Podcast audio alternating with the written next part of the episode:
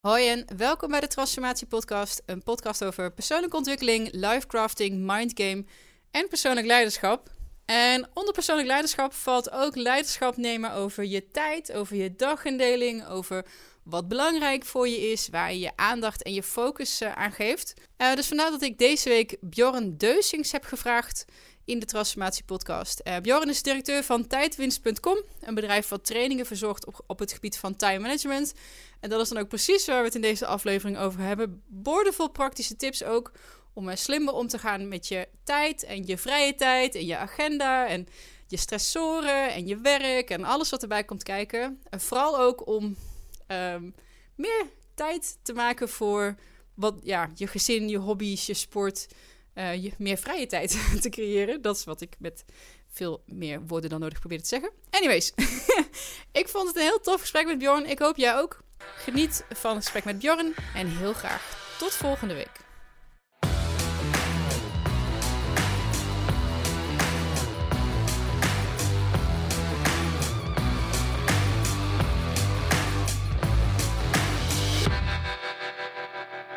Bjorn, welkom in de Transformatie Podcast. En wij gaan het met je hebben over datgene waar we allemaal volgens mij tekort aan hebben: tijd. Ja. Um, nou, laten we daar eens beginnen. Tijdsgebrek, tijd, tijd, time management. Daar geef je training in. Ja. Daar gaat je bedrijf over. Waarom is dat zo belangrijk? ik denk dat, uh, dat uh, tijd uh, datgene is waar we allemaal min of meer hetzelfde van hebben. En wat, wat op een gegeven moment opraakt. Dus ehm, vond wel een leuke uitspraak waar iemand gaat. Ja, de, de prijs van alles is de hoeveelheid tijd van je leven die je ervoor inruilt. De prijs van alles is de hoeveelheid tijd. Ja, ja, ja. ja die je ervoor inruilt in je leven. En dacht van ja, dat is. Uh, uh, ja, we hebben min of meer allemaal evenveel tijd. En we hebben altijd meer wat we willen doen uh, dan dat er tijd is. Dus ik zie het ook altijd een beetje als een soort van economisch vraagstuk. Ja. dus, dus ja, dus dat blijft mij fascineren hoe mensen daarmee omgaan. En jullie geven training onder andere in time management. Ja. Doe mij ook. Heel toevallig heb ik dat deze week nog eentje gedaan. En de eerste vraag die ik daar kreeg, en ik was zo benieuwd hoe je hoe jij dat dan ziet. Een deelnemer die zei: Oh, maar als ik dan straks tijd over heb, ja. ga ik dat dan niet vullen met meer werk? Ja. Is het iets wat je ook wel eens hoort van cursisten die daar bang voor zijn? Ja. Oh, dus dan ga ik efficiënter werken. Ja. Dus dat betekent dat ik nog meer moet doen. Word je gestraft. ja. Word gestraft zo van, uh, nou uh, ja, ja dat, dat gebeurt. Uh, ik denk dat dat ook wel iets zegt over jou als persoon als je die vraag stelt. Zo van ja, dat, dat geeft ook een bepaald ja, misschien wel wantrouwen ook uh, op je werk. Of, of om je heen van, oh, ik heb het al druk en dan word ik daar efficiënter en dan krijg ik er nog meer werk bij. Ja, dat, dat, um, je, je kunt die tijd wat, wat er vrijkomt, die kun je natuurlijk voor van alles inzetten. Ik vind zelf, wil ik mensen altijd meegeven, van de tijd die je bespaart met de dingen die wij vandaag gaan leren, die kun je inzetten voor de zaken waar anders niet aan toe komt. Of die je niet die aandacht kunt geven. Maar uh, ja, het moet niet zo zijn van alleen maar nog drukker en, en nog meer en, en altijd 24-7 aan. Ja, en dan zou het averechts zijn. Ja. Want dan is het niet rust verschaffen, maar gewoon ja. nog meer werkdruk ja. geven. Ja. Want is dat ook het grootste probleem, of het, het grootst gehoorde valkuil misschien, waar mensen zich bij jullie mee melden? Van, is het echt stress, overload, werkdruk? Wat voor mensen melden zich bij jullie voor time management? Ja, wij werken, we hebben natuurlijk onze open trainingen en daar schrijven mensen zich uh, vaak individueel in. Soms via het werk, soms, soms zelf. Um, en uh, die zitten er anders in dan het overgrote deel van onze training is in company. En dan uh, wordt er toch, um, ja, dan krijg je de, de vraag vanuit de organisatie om iets van time te doen of vanuit een team zelf. Ja, daar kunnen natuurlijk verschillende oorzaken aan liggen. Maar ik vind het wel zelf altijd belangrijk dat um, als ik naar een training toe ga, uh, ik moet niet het idee hebben dat ik daar advocaat van de duivel sta te spelen. Dus op het moment dat ik zelf het gevoel zou hebben van ja, je merkt uit een voorbespreking van mensen zijn overwerkt en de organisatie alleen maar meer bezig met meer, meer, meer, dan zou ik daar vriendelijk voor bedanken. Want dat vind ik zelf, dat, ja, dat, dat kan ik niet dragen. Ja, dat ze bij wijze uit, uit zo van aantrekken van de broekriem vinden dat iedereen maar het meer moet doen met Ja. minder tijd. Dan daadwerkelijk Ja. ook bij die jongens Ja. zich dan vermelden. Zo van, oh, oh. Ja, en dat ze maar niet moeten zeuren, die mensen. En, eh, ja, en, en dat heb ik wel eens meegemaakt inderdaad. Echt? En daar leer je van.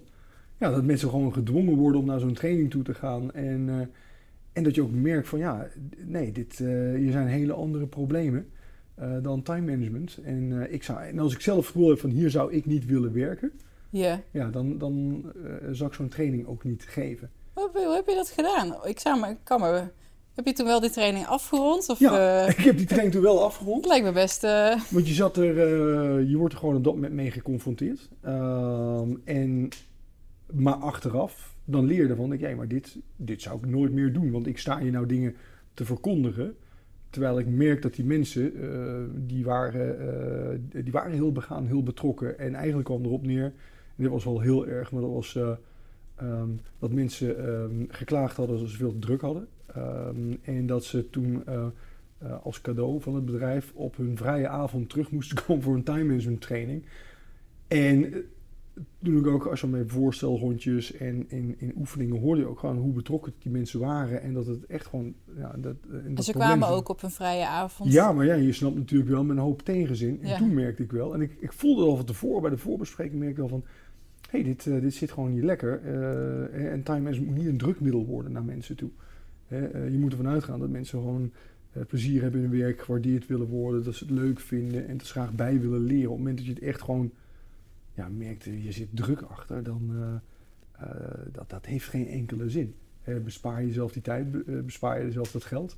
Um, want dan, wordt het, dan probeer je het probleem op te lossen op een ander niveau als waar het ontstaan is. En, dus, dus daar leer je dan van. Heb, heb, je dat zelf ook wel? Ja, nee, nee, van, niet, nee, niet op dat vlak, maar toevallig omdat die vraag deze week kwam. was een jonge, jonge kerel, ook een jong team, jonge club. Ik vond het echt heel grappig, want ik denk dan, ja, er zijn toch een paar dingen die iedereen wel weet. Hm. en dan in mijn voorstelrondje vroeg ik dan ook, goh, waar loop je tegenaan en wat heb je zelf al geprobeerd? En toen schrok ik eigenlijk van de soort van basale, dat er eigenlijk dat iedereen problemen heeft. Als je vraagt, ja, wat heb je zelf al gebeurd? En dan komen ze eigenlijk niet heel verder dan een, een takenlijstje, een to-do-lijst. Ja, ja. En toen dacht ik, oh, wauw, oké. Okay. Want ik heb een soort van, ik weet niet of je dat ook, het imposter syndroom, dan is, soms denk ik van, wie ben ik nou dat ik hier sta te vertellen over time management? Ik weet eigenlijk maar een klein beetje, hè, dus... Het is niet helemaal mijn passie, dat zit meer op een stukje mindgame. Maar ja. Michel en ik doen dit samen en nou, 12 F's is zowel tijd als ook mind uh, game. Dus ik geef ook die trainingen. Ik weet natuurlijk wel precies wat ik sta te vertellen. Dus ik was zo geschrokken, eigenlijk geschrokken, ja, misschien wel. Dat, het, dat heel veel mensen gewoon ook echt niet weten hoe ze hun werk kunnen structureren zonder dat ze overlopen. En daar was het niet eens zozeer een kwestie van tijd, ja. maar uh, gewoon geen nee kunnen zeggen. Ja. Krijgen jullie dat veel terug ook in trainingen? Dat, mensen, dat het niet zozeer is dat ze te weinig tijd hebben, maar dat ze gewoon niet tegen collega's kunnen zeggen: nee, heb ik geen tijd voor. Of nee, hoort niet in mijn pakket. Of nee, ik ben niet de beste persoon om dit te doen. Ja. Ik. Uh, toevallig had ik gisteren was ik, uh, was ik het observeren met een collega. Uh, een training ik erbij. En uh, daar zei iemand, dat vond ik echt heel mooi. We vragen altijd aan het begin van: was je beste time management tip? Dat is ook een leuke om te vragen. Ja, ja, en, en uh, want dan kun je ook al een beetje voelen uit zo'n groep van wat, wat speelt er bij mensen, waar, hoe staan ze erin en wat hebben ze zelf al gedaan. En toen zei iemand van ja, je moet af en toe gewoon echt nee zeggen, want je kunt beter af en toe nee zeggen dan dat je een onbetrouwbare ja-zegger bent. En toen dacht ik echt meteen, ja, deze man die snapt het. Ja.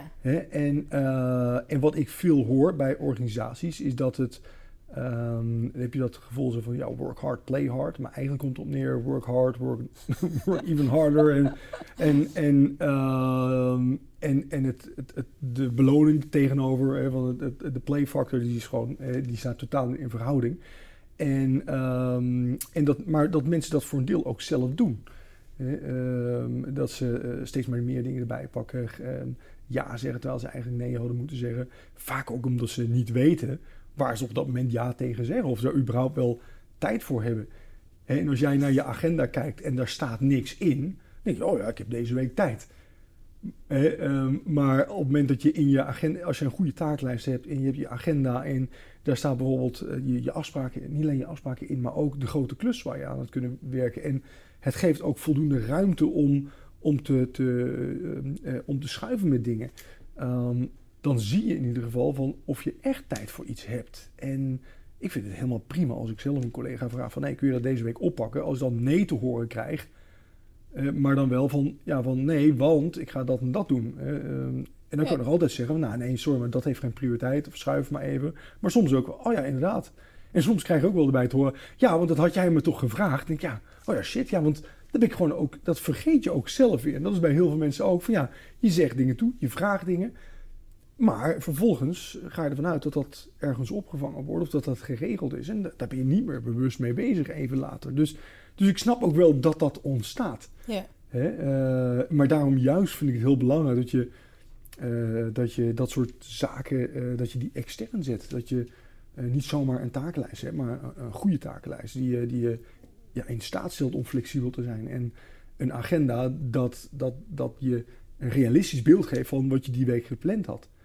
En ehm, eh, dus afspraken, maar ook de, de grote taken waar je echt even voor wil gaan zitten. Je, je, je deep work, je focusblokken. Je deep work, je focus ja. work. En, en ik vind ook dat je daar zelf je verantwoordelijkheid in moet nemen. Zo van, dat je dat plant en dat je dat bewaakt. En, en dat je af en toe inderdaad nee moet zeggen.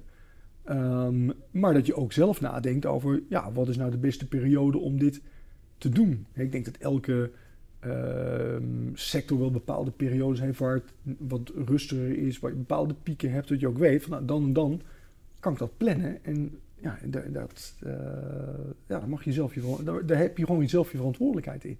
En wat ik je ook een beetje wil zeggen is, we hebben een beetje last van een soort van chronische zelfoverschatting of, Zeker, ja. of, eh, Ja. of, of ambitie. Wat natuurlijk, en myself included, Ja. wat natuurlijk prachtig mooi is.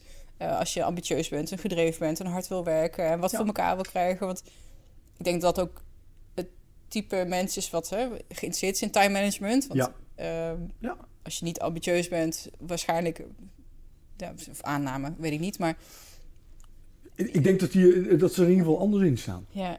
Hoe, wat is eigenlijk het grootste, grootste benefit om wel gewoon eens te kijken oké, hoe deel ik mijn tijd in en hoe, hoe regel ik dit allemaal? Want time management, Ja. ehm, waarom moeten we dat doen?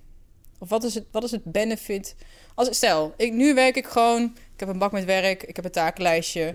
ik heb ergens in mijn hoofd vage ideeën van wat ik wil bereiken. Ik modder maar een beetje aan. De meeste mensen die ik zie, die gaan een beetje ja, met de stroom mee. Er Ja. komt wat hun kant op of niet, weet je. En dat, dat kabbelt zo lekker voort.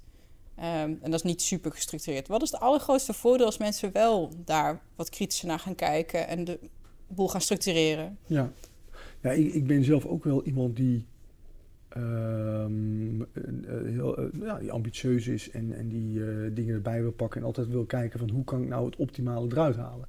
Eh, en dan speelt voor mij, merk ik wel, dat je ook gaat kijken hoe kan ik zaken optimaliseren. Ehm, die eh, processen ondersteunen. Bijvoorbeeld eh, je mail moet gaan, of je facturen moeten gaan, et cetera.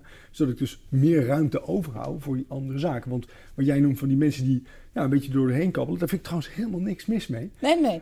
Maar die zijn wel ehm, eh, relatief meer tijd kwijt om zichzelf te motiveren om dan ja, die, die organisatorische dingen en dergelijke allemaal te doen eromheen. En daarvan ben ik wel van mening van, nou, eh, ik ga heel gestructureerd met mijn mail om.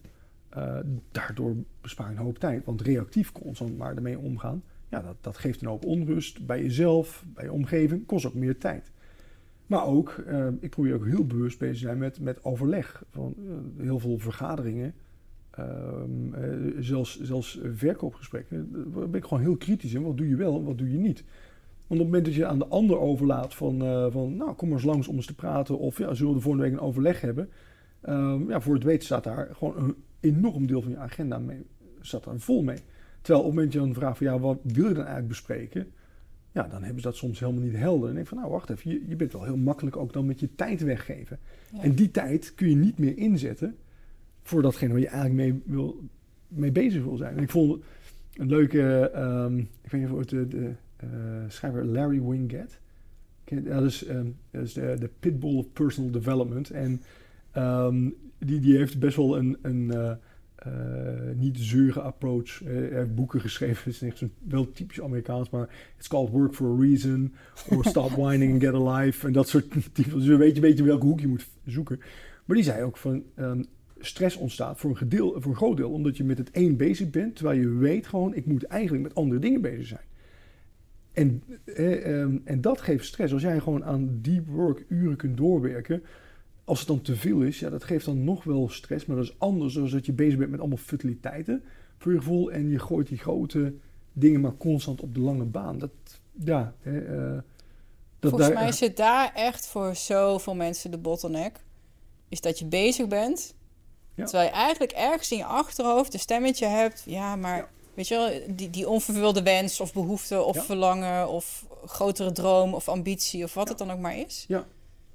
Um, besteed je daar ook aandacht aan dat je een stukje dat je mensen doelen gaat bepalen en zo? Is dat onderdeel ook van? Want zou dat in jouw ogen ook onderdeel zijn van time management? Om even terug naar de basis van, maar wat is nu echt belangrijk voor je? Ja, ik, ik denk. Ehm, ik ben zelf van heel praktisch time management. Dus uh, hoe organiseer je je agenda? Hoe uh, optimaliseer je een werkoverleg, uh, je processen?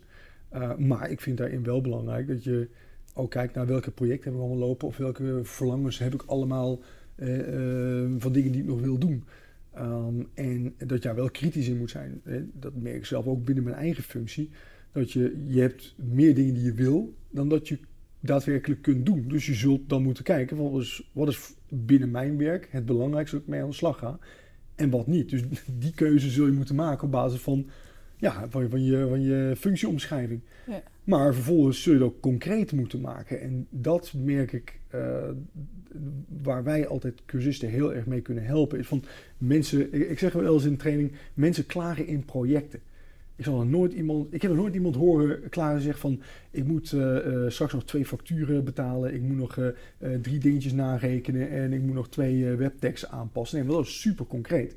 Maar ik hoor wel mensen zeggen van... ja, ik, ik wil nog een beleidsplan opstellen... en ik wil nog eens even me helemaal op SEO gaan verdiepen... en ja, er moet een nieuw managementplan komen. Dat zijn hartstikke grote projecten. Die zijn super um, abstract... En mensen hebben nog helemaal niet nagedacht over wat ze, waar, waar, ze daar concreet mee naartoe willen. Hoe ziet dat er afgerond uit? En wat moet je allemaal doen om daar te komen? En waar ik merk is dat bij heel veel van dat soort grote lopende dingen, dat mensen al enorm geholpen zijn als ze leren van hoe zet ik dit nou in gang? Hoe breng ik het terug tot de eerste, de eerste stap? En als ik dit echt wil doen, van ja, waar begin ik dan ermee? Want dan merk je, er lopen vaak dingen door. En uh, en bij hele grote projecten, daar ontkom je er soms niet aan om echt eens te gaan zitten en eens denken van oké, als jij dit echt wil, ja, wat ga je dan de komende maanden daarmee doen? Welke acties zijn daarvoor nodig en hoeveel tijd gaat daarin zitten? En ook dat op het moment dat, ik had een tijdje geleden iemand die had een heel groot project en dat bleef maar liggen. En ja, toen gingen we daar naar kijken en toen kwam de conclusie dat daar het komende half jaar de helft van zijn tijd mee bezig zou zijn. Ja, en dan krijg je wel, ja, wil je dat? Ja of nee? Ik bedoel, ik heb het niet verzonnen. Jij hebt het verzonnen. Het komt uit jouw hoofd. Jij wil het, of de organisatie wil het. Ja, je zult oftewel daar tijd voor moeten gaan maken. Of je zult moeten zeggen van nee, dit ga ik niet doen, want dit heeft dit jaar geen prioriteit. Of ik moet naar mijn leidinggevende toe, want hij, hij wil dit van me. Maar hij doet of dat dat heel makkelijk is en dat ik het even erbij pak. Terwijl als ik ernaar kijk, dan gaat er gewoon... Uh, de komende half jaar gaat er uh, de helft van mijn tijd in zitten. Ik bedenk me net ineens dat Ehm, dat ding wat je net omschrijft, op het moment dat je een leidinggevende hebt om het aan af te checken, zeg maar, die gaat je waarschijnlijk dwingen om inderdaad het uren te budgetteren en een planning te maken. Oké, wat is de scope van wat je wil? En die zegt dan ja of nee en die plaatst het in de tijd. Uh, ik spreek heel veel ook uh, ondernemers of mensen die naast een baan nog projecten willen opstarten of een webshop. Of... Ja. Die hebben niet een leidinggevende die eigenlijk dat stapje doet om ze soort van Ehm, als een soort van reality check bijna. Ja. Van hé, hey, maar wat je nu bedenkt, is een prachtig idee. Ja. Maar besef je dat je daar uh, acht maanden lang, uh, twintig uur per week mee bezig bent. Als je dit goed wil doen. Maar we willen allemaal nu, nu, nu, nu, nu. Snel, snel, snel, snel, snel. Ik ook. Ja, ja, ja. Elke nieuwe wijziging die ik wil doorvoeren, denk ah, even een weekend doorknallen. Terwijl het eigenlijk misschien drie maanden werk is. Ja, ja. Maar, maar hoe fijn is het eh, om om dan een, iemand te hebben waar je dat tegenaan kunt houden. En die ook even bij de tijd draait. Ja. en uh, ik had pas uh, uh, sprak met een, een, een, ondernemer. En die zat boordevol energie. Maar die was dus ook, ja, die liep op deze manier tegenaan. Van, ja, hij, hij, was net bezig met alles op te zetten. En eigenlijk niemand die hem even bij de tijd draaide. En, en mijn belangrijkste tip vind ik zelf aan hem was van... Zorg ervoor dat je een liability partner neemt. Dat je iemand pakt die misschien hetzelfde schuitje zit of iemand waar je een bepaalde klik mee hebt. En waar je gewoon een afspraak mee maakt elke week of elke twee weken. Alleen maar dat je even een kwartiertje belt en zegt van wat je gaat doen en hoe je daarin staat. En ja, die je even bij de tijd draait. En, en dat je ook... eh, eh, Wat bedoel je met bij de tijd draaien? nou, dat, dat je, wat jij net zegt van, eh, van, oh, ik wil dat even, maar het is misschien wel drie maanden werk. Dus die het even, die je een spiegel voorhoudt. En zegt van, dat op het moment dat jij zegt van, nou, ik wil eh, een, een mooi project opstarten, en dat is drie maanden, dat die, op het moment dat jij weet dat onbewust wel, maar je, je zegt dan, nou, ik ga dit weekend even doorknallen en komt goed. Ik denk dat je dan daarmee geholpen bent. Dat iemand zegt van ja, maar eh wat moet je dan allemaal doen? Ja, dan, dan dat. Ja, dat gaat er nooit passen in een weekend. En eh, ja, daar ben ik heel goed in. Nou, volgens mij ben je daar... Misschien zou je daar wel moeten kijken om dat uit te besteden. Of misschien moet je eerst dat oppakken. Of ik denk dat dat, dat ook gewoon de, de rol is van een leidinggevende. Om dat te faciliteren. En ja, iemand eh, te inspireren eh, eh, om, om dingen echt op te pakken. Maar ook ja, hem te helpen met zijn eigen grenzen te maken. Ja. het is lastig hoor. Want ik, ja, ik weet niet hoe jij dat doet, maar ja, volgens mij ben je ook super ondernemend. En ook ideeën. Zo van, en hoe, hoe doe jij het? Als je iets nieuws bedenkt, hoe toets je dat af? Van, want loop je dan steeds tegenaan zelf ook dat je overschat Ja. wat je... eh, dus hoe doe je dat zelf? Nou, niks, niks, niks menselijks is mij vreemd. Maar Ja. ehm, wat, waar ik, en dat is ook echt een van de, de tips waar ik altijd tegen cursisten zeg van nou, eh, als ik je maar één tip mag meegeven, dan laat alsjeblieft deze zijn. Eh, zet op je takenlijst nooit iets wat langer duurt dan een half uur. Want ehm, als ik met, ik heb dat ooit in het verleden, dan gaf ik één op één coaching met een manager. En die kwam 's ochtends aan met zijn takenlijst. En van, nou, dit, eh, dit ga ik vandaag allemaal doen. Zei van, ja, zei, oké, nou, dat ziet er wel oké uit. eh, en, en zei van, nou, hoe valt wel mee volgens mij, hè? Maar er waren vier of vijf dingen. En toen eh, merkte ik dat hij gestrest raakte en een beetje bozig werd ook toen doorvroeg. En toen bleek dat die vier dingen, die bleek gewoon superveel tijd te kosten. En die waren, en toen ging ik in zijn agenda zitten. Toen, toen ging ik wel vragen van, ja, wat moet er dan allemaal precies voor gebeuren? Bijvoorbeeld, er was een klacht geweest van een klant en er moest nog een, een, een, een plan worden uitgewerkt. Zo. En, en toen gingen we het heel concreet maken. En toen bleek dat het alleen maar realistisch zou zijn die dag. Als je zag dat het om acht uur zou beginnen. S'avonds om een uur of negen zou doorwerken. Geen pauze hebben. Geen problemen zouden zijn die dag. En geen mail. En ik van, ja, wacht even, maar dit... En de hele tijd eh, mentaal fris. En, en gewoon de hele dag pieken ook nog. hè. Ik denk, ja, maar dit, dit, dit is een wenslijst. Dit is geen takenlijst. Mm. En, en toen hadden we het ook erover. Ja, maar wacht even. Hoeveel mail krijg je op een dag? En heb je ook nog overleg? En er zijn ook nog wel eens dingen waar mensen voor binnenkomen waar jij iets moet. En dan was het van, ja, ongeveer de helft van mijn dag gaat daarin zitten. Ik denk, ja, maar is dit dus totaal niet realistisch? Dus en op het moment dat jij lijstjes maakt die niet realistisch zijn, dan ben ik er echt absoluut van overtuigd dat je ook geen verantwoordelijkheid voor neemt om dat af te krijgen. En dan zie je vanzelf dat het gaat gebeuren dat mensen allemaal de kleine dingetjes gaan doen en de grote dingen. Zo van, die staan ook niet op een lijst omdat ze denken van, oh, dit ga ik vandaag echt doen. Nee, die staan op die lijst omdat ze niet willen vergeten dat dat ook nog ja, speelt. Eigenlijk mist daar nog een stapje. Er zit nog, Dat, is- dus, ja, dat moet nog verder geslijt. We noemen dat slice en dice. Dat Ja. moet helemaal eh, eh, Ja. klein gehakt worden, zoals je net ook al zei. Zodat je dat ergens dan weer in kan plannen. En, eh, ja. En, en ik heb dat zelf. ehm, eh, eh, ik, ik ben me echt gaan, als ik een taak heb die langer dan een half uur, waar ik denk van nou, dit gaat even duren, plan hem maar in je agenda. En dat wil niet zeggen dat je het per se op dat moment moet doen, maar wel dat je meteen visueel hebt van hoe vol je week al zit. Ja. En dat je op een gegeven moment ook tegen, je, tegen jezelf denkt van ja, shit, dit past niet meer. Eh, Oké, ja, dan moet ik dus een keuze gaan maken. Ga ik dingen skippen die ik wekelijks doe en die best wel een keer een week overgeslagen kunnen worden? Of is dat geen optie en moet ik op de lange termijn gaan, gaan, gaan zetten? En dat is waar ik zelf ook regelmatig, eh, dat, waar je nog tegenaan loopt. Maar ja, ik vind dat geen enkel probleem. Want eh, het feit dat dat dus regelmatig ook tegen de grens van wat ik allemaal wil aanloopt, ja prima. Maar je maakt wel bewust de keuze van, nee, dit past er deze periode niet bij. Of dit, nou, ik kan het wel willen, maar ja, ik, eh, als ik er nu ja tegen zeg, dan word ik zo'n onbetrouwbare ja, Ja, dat vind ik. Ja, er zijn twee dingen die, die ga ik onthouden. Dat, de onbetrouwbare. Onbetrouwbare Ja? ja, zeggen. Ja. Ja, want ik, dat was een van mijn antwoorden ook in die groep. Het Ja. ging over nee durven zeggen. Dan denk ik, ja, maar je, het levert je wel respect op als je wel nee zegt. Want als je ja, zegt en komt het niet na, hoe goed bedoeld ook, of hè, volgende week, is het niet leuk aan de andere kant als het jou gebeurt. Oh ja, oh ja, oh ja. Maar een onbetrouwbare ja, dat vind ik eh, mooi. En je zei, ehm, Dan wordt het geen takenlijst, maar een wensenlijst. Ja. Dat vind ik ook een hele prachtige. Die ga ik, eh, die ga Ja. ik onthouden. ja, die- Ja, nee, dat is Ja, herkenbaar. maar ik, en, maar ik zelf ook hoor. Soms dan is het meer een wensenlijst dan een takenlijst. Maar goed, wat je al zei, ik vind het leuk om hier mensen of om hier met deze thema's bezig te zijn, omdat ik het zelf nodig heb. Ja. En niks, is, niks motiveert meer dan iets waar ik, wat ik zelf ook nodig heb. Ja, Ja. Ik, ik vergelijk, ehm, ik ver- vergelijk time management, ehm, ja, dit, deze hele, hele problematiek, of de hele, hele thematiek, wel eens met eh, bijvoorbeeld eh, sporten. Hè? En eh, ik heb altijd heel fanatiek gesport. Wat heb je gedaan? Ik ben redelijk vroeg ben ik begonnen met, met krachttraining, fitness, maar dan ook echt, ja, gewoon echt vier, vijf keer in de week. Ben daarna overgestapt op hardlopen en, en wielrennen en heb ook nog veel vechtsporten gedaan. En dan merk je ook als je, dat is een bepaalde routine waar je in zit. Hè? En volgens mij ben jij zelf ook sportief. Ja.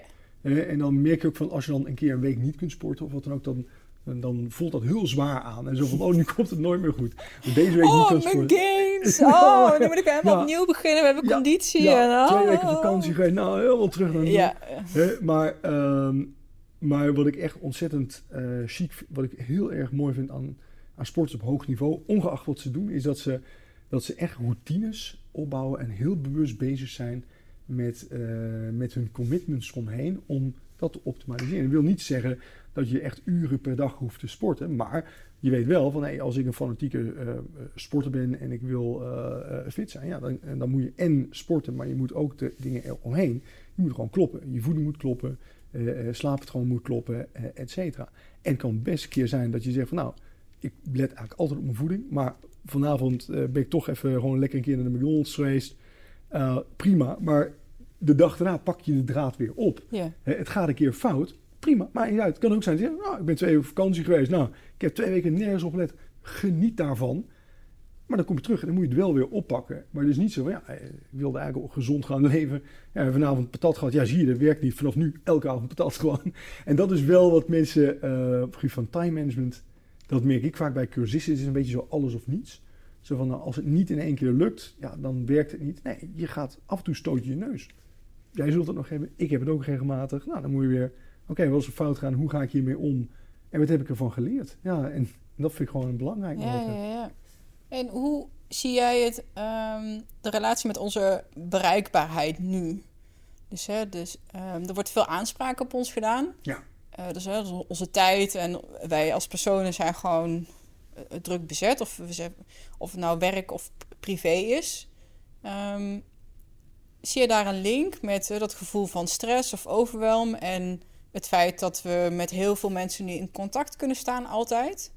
Ja. Of zie je dat, zie je dat als, een ja, als een oorzaak daarvan? Of zo van nee, dat is juist wel heel erg fijn dat we, dat we zo direct en snel kunnen communiceren, bijvoorbeeld. Heb je Ja. daar, eens- hoe, hoe ervaar je dat zelf? Ja, ik, ik, ehm, het prikkelt me wat je zegt, omdat je begint met een aanname van we zijn tegenwoordig.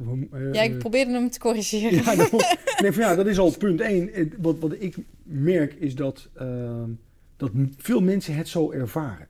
Eh, dat je altijd bereikbaar moet zijn. Ehm, dat je, eh, ik merk ook dat ik in de afgelopen jaren... dat je steeds meer discussie krijgt met cursisten over... dat je op vakantie het niet kunt maken, dat je niet reageert op mails... Dat je s'avonds als een klant ergens wat zit eh, en een WhatsAppje stuurt. Dat je dat, dus dat die werk-privé-balans eh, dat die eh, door, door veel mensen ervaren wordt als die is helemaal weg. En, van, nou, en als ik dan. En, en wat ik merk in trainingen bij ons is dat mensen dat dan ook zo zeggen. Zo van, ja, als ik dat niet doe, dan is de klant weg. Of als ik dat niet doe, dan kan die collega niet verder. Of dan is mijn baas. En als dan vraagt naar de organisatie, wat vinden jullie daarvan? Dan valt het eigenlijk altijd wel mee. Eh, en Het is als- meer de, de- hun eigen verantwoordelijkheidsgevoel wat eh, heel, heel hoog is dan of zo. Dat kan. Hè, het is, maar het is vooral een stukje beleving bij, bij hunzelf. Omdat ze daar ook geen afspraken over gemaakt hebben. Of geen stelling in durven in te nemen. Of gewoon maar veronderstellen dat iets niet kan. Ja, en het, en het eh, als een pluspunt van zichzelf zien. Want dat Ja. heb ik ook wel eens Ja. gezien. Dat mensen zeggen, van, ja, die dan ook niet snappen dat iemand niet reageert. Die, Ja. die, daar, die dat Ja. waardevol, eh, belangrijk vinden. Ja. Dat het meteen wordt... En ehm, je antwoord was heel erg op werk. Maar in de privésfeer zijn we natuurlijk ook, hebben we ook projecten, hebben we ook doelen, hebben we ook uh, mensen die een aanspraak uh, op ons doen. Ja. Raad je mensen aan om dat wat je in de, de time management op het werk is, van doe dat ook privé? Of, ja, ja, zeker. Um, als je het hebt over projecten en, en, en nadenken over een eerstvolgende actie, dat is, dat is net zo relevant als je het hebt over op je werk. ik ga een nieuwe website bouwen als je zegt thuis, we willen volgend jaar een, een wereldreis doen. Of de belastingaangifte moet dit jaar gedaan worden. Ja, een belastingaangifte is typisch ook zo eentje. Gelukkig gaat het tegenwoordig grotendeels automatisch. Je hoeft al bijna niks meer te doen. Maar tot een paar jaar geleden was dat bij de meeste mensen, daar weet je gewoon van op het allerlaatste moment raakte iedereen in paniek en dan gingen ze de belasting Alles even opvragen en dingen zoeken in de post. En, ja, ja. Oh, waar hadden we die bonnen ook alweer van opleiding of wat dan ook. Ja, dan krijg je. Dus ik denk dat het net zo relevant is. Um, ik heb persoonlijk ben ik uh, steeds minder gaan doen met, met social media. Dus ik ben echt een paar jaar geleden ook gewoon gestopt met, met Facebook. LinkedIn vind ik wel nog leuk, maar dat zet ik heel, daar ga ik heel bewust mee om. Um, maar uh, ook wel wat WhatsApp groepjes en Instagram en dat soort zaken allemaal. Ja, ik, ik merk gewoon van, voor het weet, uh, sluipt dat er inderdaad in dat je heel veel mee bezig bent. En, en dat mensen ook verwachtingen aan hebben en dat je zelf ook en, en ik heb het ook al echt een aantal keer meegemaakt. Ik denk dat heel veel mensen dat hebben. Dat je iets had willen doen en dan, nou, bijvoorbeeld op zaterdagochtend, oh, ik wil eigenlijk gaan sporten. Nou, even checken op Facebook. Twee uur later zit je nog in je sportlijn. En dan, ja, sport, nee, vandaag was sowieso niet echt zo'n zo'n sportdag. Zo, dat krijg je dan. Ja, dat heb ik ook een aantal keer. En dan denk je van, nou, net zo goed als dat je op je werk niet in je mail moet blijven hangen en dat, dat, ja, dat, dat uh, uh, reactief moet gaan, gaan uh, en, en moet zitten consumeren. Moet je in je werk, in je privé moet je daar ook gewoon bewust mee bezig zijn. Ik denk dat mensen het echt niet doorhebben. Dat je als je continu met eigenlijk met één oog op je, op je telefoon zit, wat eigenlijk, want iedereen, um, je staat uh, voor het stoplicht, uh, in de rij bij de supermarkt. Ik, echt, om, en ik ook, en ik merk het bij mezelf ook, en ik ben daar, ik begin een steeds grotere hekel zelfs aan social media te krijgen. Ja. Sterker nog, volgens mij is het echt de oorzaak van een hele hoop mentale problemen. Die uh, jeugd, maar ook opgroeiende jeugd, maar ook ikzelf. Um, denk ik, ik voel me echt veel beter als ik er niet op zit. Sterker nog, volgens mij is het soort van obsessie met het ego, obsessie met jezelf. Want je hebt een profiel van, ze gaan even een spoor, een profiel van jezelf. En ik betrapte mezelf erop dat je ook naar je eigen profiel en je eigen timeline en je eigen foto's best wel vaak terug zitten kijken. Ja, maar je hebt je helemaal niet door. En het geeft had ik door, dacht ik, wat ben ik nou in hemelsnaam aan het doen? Ja. Het is niet in het hier en nu. Ik, dus continu geobsedeerd door een beeld van jezelf, wat je schetst, wat volledig ego gedreven is. Waardoor je niet meer bezig kan zijn gewoon met jezelf. Ja. in hier en nu, met wat belangrijk is. maar volgens mij is er ook echt wel zat onderzoek gedaan naar uh, eh, naar hoe mensen zich voelen op mensen zoveel social media gebruiken. En daar word je echt niet gelukkiger van. Is dat, weet je, heb je daar enige... Ik, ja, ik heb daar, ja, natuurlijk zoek je uh, op mensen een beetje... Ja, dan zoek je wat je wil, dan wil, zoek je wat je wil uh, bevestigd wil vinden, zien. Ja. ja. maar, uh, maar ik herken, laat ik zo zeggen, ik herken in ieder geval wel zo van...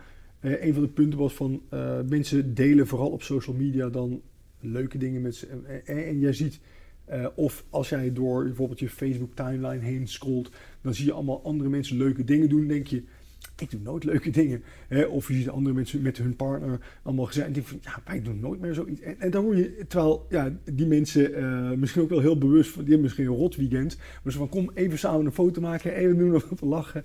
Gewoon ja. op Facebook. Dus het is ook gewoon, de informatie is gekleurd. Wat je krijgt. Hè? Mensen laten, laten zien wat ze willen laten zien.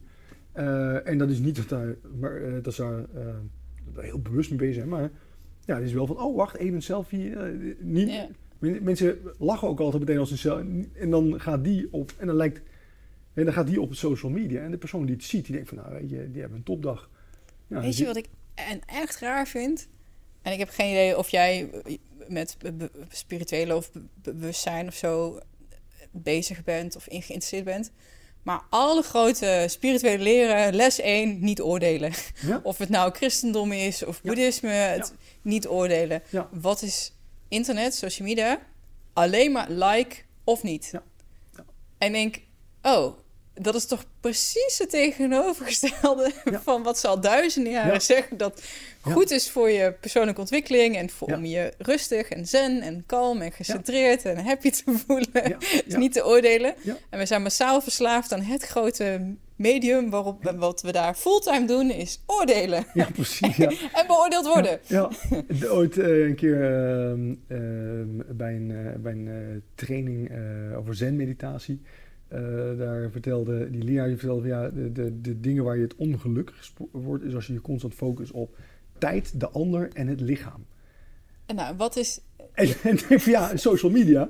Je bent heel tijd, gewoon gedurende tijd eh, ben je aan het kijken van wat doen anderen allemaal in, hè, en, en eh, de ander. Van, ja, en wat vindt hij van mij ook? Van krijg ik wel likes? Krijg ik genoeg likes? En- Zien mensen dit? ja, en en- is het wel leuk? En het uiterlijke vertonen natuurlijk ook. Ja. Hè? Het, het lichaam en gezondheid. En ja, dan zie je mensen allemaal heel fit eh, zien zijn. En dan denk je van, nou ja, ja, ik ben niet zomaar klaar dit jaar. Dus ik zou er wat meer aan mogen doen.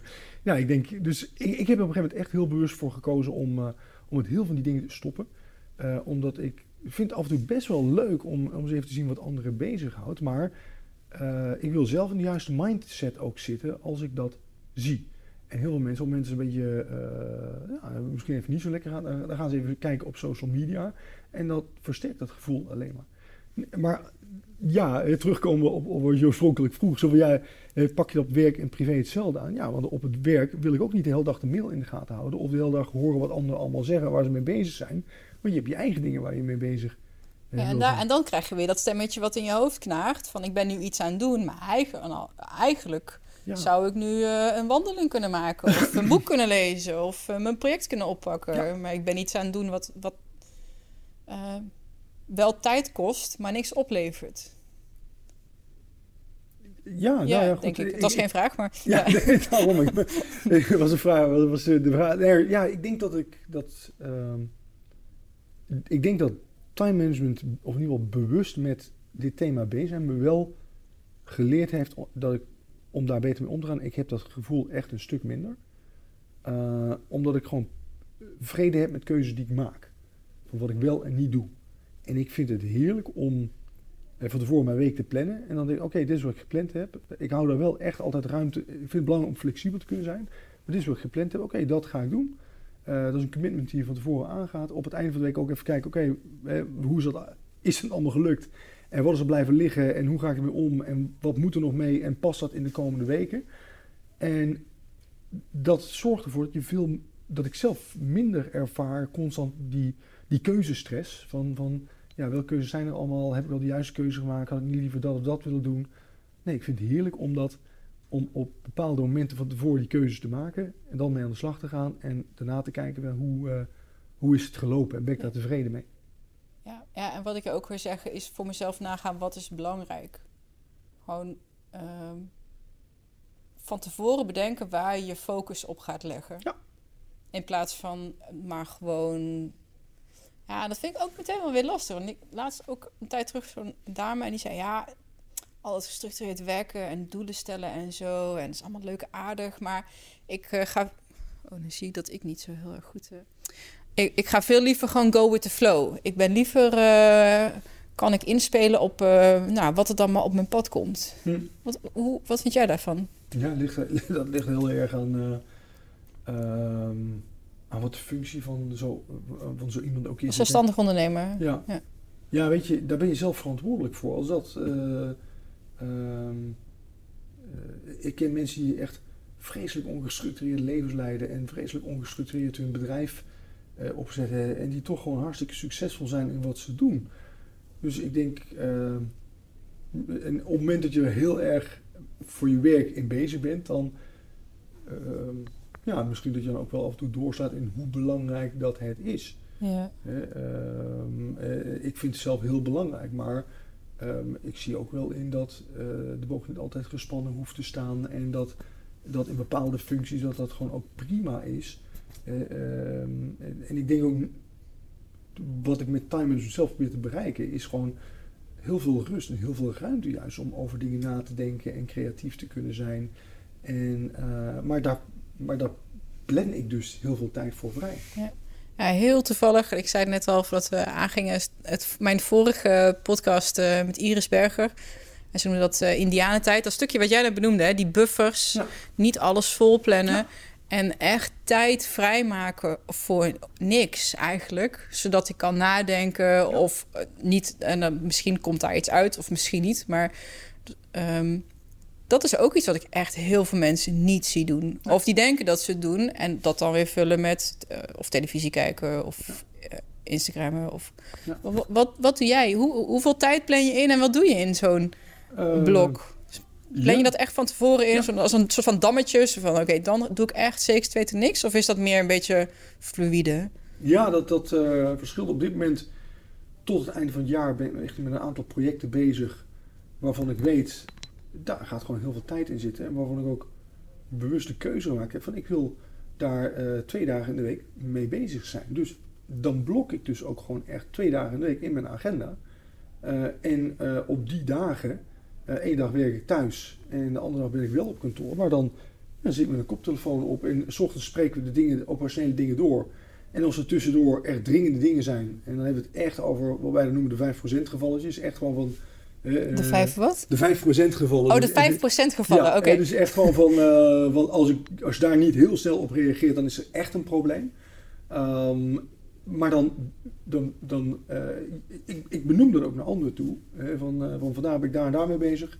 En dan weten ze ook van ja, oké, prima, die dag eh, wil je gewoon niet gesoord worden. We bespreken 's ochtends dingen, we bespreken 's middags dingen en dan lopen eigenlijk de operationele zaken lopen wel gewoon door. Dus ik, ik blok daar tijd voor. Ehm, ik, ik vind het ook heel belangrijk om dan met collega's aan het begin van de week even te bespreken wat ga ik deze week doen, wat gaan jullie doen. Eh, maar ook even het benoemen zo van waar je mee bezig bent en dat dat dus belangrijk is. En want een week later sta je weer bij elkaar en dan kun je niet zeggen, ja ik vond het wel belangrijk, maar ben er de vorige week toch niet aan toegekomen. Ik bedoel, dat kan eens een keer zijn, maar eh, ja, zo doe ik dat zelf. Dus dan Ja. blok ik echt die tijd. En ik zet op die dagen ook mijn oude office aan. En dan Ah. reageer ik ook pas in de, in de namiddag, kijk pas voor de eerste keer op mijn mail. Omdat ik gewoon ook merk dat als ik ehm, mijn oude of als ik, als ik buiten de deur ben, ik zet de oude office aan, dan geeft dat zoveel rust. Want nou, mensen weten gewoon dat ze morgen pas een reactie krijgen. Terwijl op het moment dat je echt van die concentratiedingen moet doen, en je bent er, dan ben je er ook even off the grid die dag. Nou prima, zet je oude office aan en, en laat mensen weten wat ze moeten doen als ze je echt dringend nodig hebben. En ik heb gemerkt dat dat echt dan heel erg meevalt en dat het je zoveel rust geeft. Ja, Dus dat is hoe ik het zelf aanpak. ja en, en volgens mij kan je dan ook zoveel malen sneller gaan. Want het duurt, het duurt wel iets van 10 tot 20 minuten voordat je in, die, in je deep work staat bent. Ja, Of dat je in ja. flow bent. En elke keer als je afgeleid wordt, dan Ja. word je er weer uitgetrokken. Dus dat je het echt verdedigt als een malle, zeg maar. En je, je bent die tijd door en je zit in flow en je bent je dingen aan het doen. Dan ga je ook vele malen sneller. Dus daar zit volgens mij ook een deel tijd, Ja. tijdwinst. Ja, maar ik denk dat je, eh, zoals we het er nu over hebben, lijkt het allemaal heel rigide en heel star. En, maar dat is het niet. Ik denk dat je, eh, dat je gewoon, als jij vindt dat iets belangrijk is, dat je daar ook de verantwoordelijkheid voor neemt om dat dus belangrijk te laten zijn. En dat je dat ook, eh, en, en op het moment dat je daar ziet wat dat voor een impact heeft, dan ben je ook makkelijker met naar anderen toe assertief te zijn. Van, nee, sorry, maar deze week gaat dat niet lukken. En nee zeggen, en, en daar hadden we het straks over. Ik heb gemerkt dat op het moment dat je nee zegt tegen iets, dat mensen dat helemaal niet zo erg vinden. Die zoeken gewoon verder naar de eerstvolgende die wel ja, zegt. En dat vond ik echt een hele goede, een aantal jaar geleden bij een, eh, bij een advocatenkantoor op de Zuidas. Eh, echt een heel groot kantoor waar van die jonge advocaten binnenkomen. Die, die zijn echt wel overweldigd door de hoeveelheid werk. En die zijn super ambitieus. En ik vind dat typisch zo'n sector waar de tijd, de energie raakt eerder op dan de tijd. Want die mensen die, die zijn, dat is zo'n sector, daar wordt s'avonds het weekend ook gewerkt. En ehm, ik geef daar trainingen voor, eh, voor de advocaat-stagiairs. En eh, er zat dan ook altijd één ervaren advocaat bij. En die gaf dan wat tips uit het werkveld. En ik vond het sowieso ontzettend mooi om te horen dat alle tips die ik gaf, die slo- sloten aan bij wat zij al ervaren had. En zij gaf toen één tip naar die eh, jonge advocaat. Die zei van, durf gerust nee te zeggen. Want op het moment dat je nee zegt, dan zoeken ze gewoon iemand anders. Dan zijn ze zo vergeten, dat kun je best een keer doen. Maar op het moment dat je ja zegt en je maakt een fout... Dat blijft jou hier tot het einde der tijden achtervolgen. Dat kan er zelfs voor zorgen dat je geen promotie maakt. Dus zeg liever een keer nee. En pak dan die dingen Ja. ook gewoon goed op. En ja, toen dacht ik, en, en dat vond ik. eh, ik weet dat dat een heel een bedrijf is waar een hele competitive sfeer hangt. Dus dat vond ik echt gewoon heel mooi dat iemand dat zo hardop zei. Ah, wel vet. Echt, vorig jaar een van de beste tips die ik eh, van een podcastgast ook kreeg, in het begin, was ook dat besef van... eh, waar zeg je ja tegen? En dan komen we weer op die eh, betrouwbare versus onbetrouwbare jaars. Wat ben je daar zo ontzettend bewust van? Want als ik ja zeg tegen A, zeg ik nee tegen B en vice versa. Ja. En als je tegen alles ja zegt en geen shifting maakt wat echt belangrijk is, Ja. je kunt het niet waarmaken. Ja. Volgens mij hebben we een soort van eh, romantisch beeld dat we het allemaal maar gewoon kunnen bolwerken en tijd is genoeg en het lukt allemaal wel. Maar dat, daar leven we gewoon niet meer in of zo. Nee, en, Nee. Ehm, ik, ik zei in het begin van ja, het is af en toe net een beetje een economisch vraagstuk, maar daar komt het wel op, op neer. Uiteindelijk wel, ja. Je hebt, als jij 100 euro hebt en je hebt voor 1000 euro aan wensen, ja, sorry, maar grow up, dat gaat dus niet lukken. En als jij tegen iedereen zegt van, die, die zegt van mag ik een tientje van je lenen, ja zegt, ja, dan ben je er zo doorheen. Er komt een moment dat je zult zeggen, ja nee, sorry, ik heb niks meer, ik heb niks meer te geven. Ja. En als je dan erachter komt dat je het allemaal uitgegeven hebt aan anderen en je komt dan ook nog achter dat je boodschappen moest doen.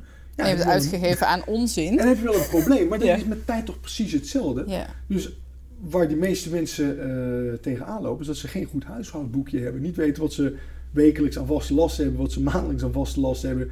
En wat ze allemaal al toegezegd hebben. Een, tijd, een tijdboekje. Ja, is het van, eh, ja, ja, Ja. een kastboekje voor tijd. Ja, maar, Ja. hè, en, en ik denk dat eh, als je gaat kijken naar wekelijks hoeveel tijd er al gaat zitten in overleg, wat echt wel noodzakelijk is. En ehm, het beantwoorden van mails en het betalen van, van je factuur, doen van je administratie. Allemaal die dingen die wekelijks terugkomen. Dat denk ik dat een, een behoorlijk deel al eigenlijk van je, van je tijd al, ja, al een, eh, een plek heeft gekregen. Je hebt het al uitgegeven, alleen je bent niet bewust van het feit dat je het hebt uitgegeven. Eigenlijk moeten we net als... ehm, eh, ik volg de Profit First eh, Ja. eh, methode. Ik heb die mevrouw die dat in Nederland doet ook gesproken. Dat oude eh enveloppensysteem. Dat huishoudgeld in... eigenlijk moeten we dat met onze minuten ook gewoon doen. Ja, Ik weet gewoon, nou, ik Ja. heb elke week heb ik zoveel minuten trainen, zoveel minuten huishouden, zoveel minuten administratie. Oh, ik heb eigenlijk heb ik elke dag max twee uur dat ik echt.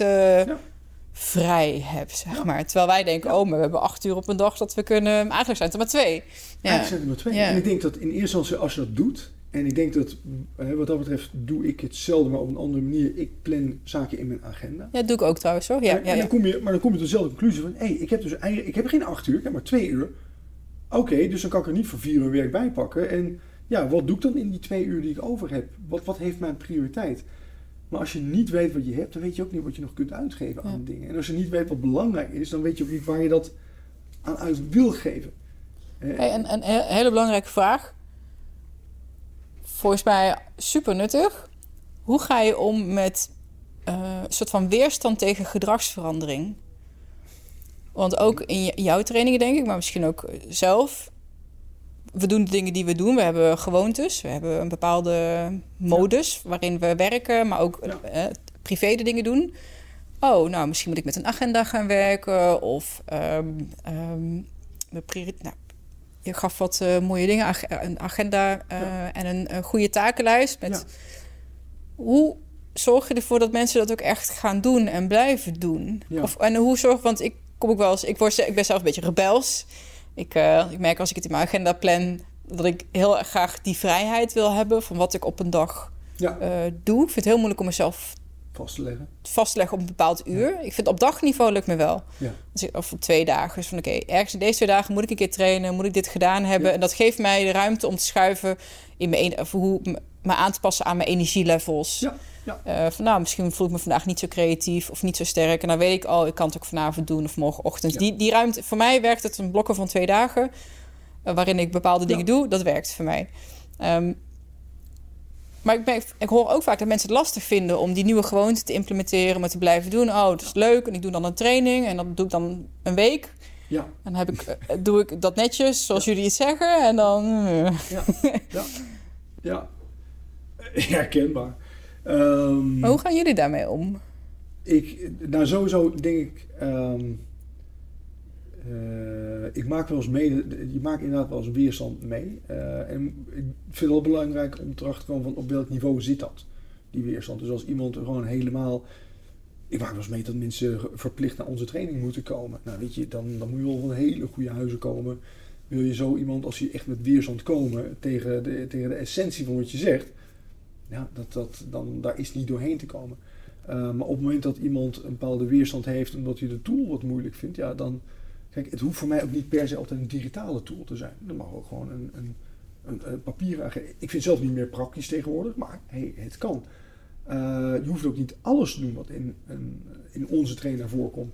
Ik vind het prima als jij zegt: ik begin met twee of drie dingen die mij het meeste aanspreken. En daar ga ik de komende weken mee aan de slag. Sterker nog, Ehm, het aanleren van een nieuwe gewoonte of het afleren van een oude gewoonte, daar ben je gewoon maanden mee bezig. Dus het is veel efficiënter als jij zegt eh, na een training, ik heb twee, drie dingetjes geleerd en daar ga ik bewust mee aan de slag. En als dat een gewoonte is geworden, dan pakken we weer een aantal andere bij. Ja, dat ding dat sowieso veel, veel, hand, uh, veel beter is. Ja, kleine stapjes. Maar op het moment, uh, maar als iemand wil, dan zoeken ze manieren. Op het moment dat iemand niet wil, dan zoeken ze gewoon redenen. En daar, daar ja, als dat echt gewoon aan de basis, uh, gewoon, daar kom je toch niet doorheen. Ja, ja. Uh, wat zijn um, de, de, de, grootste tips? Je zegt van, hè, je noemt er steeds twee, drie de belangrijkste tools. Wat ja. pikken de meeste mensen als eerste uit? Ehm, de, de tip van langer dan 30 minuten in de agenda plannen, dat, dat is echt een tip waar mensen echt wat mee kunnen. Langer dan 30 minuten zelfs. Ik zeg altijd een uur. Maar eigenlijk is 30 minuten nog veel beter. Want wat ik denk dat een half uur duurt, ben ik toch vaak een uur mee vaak, bezig. Vaak wel.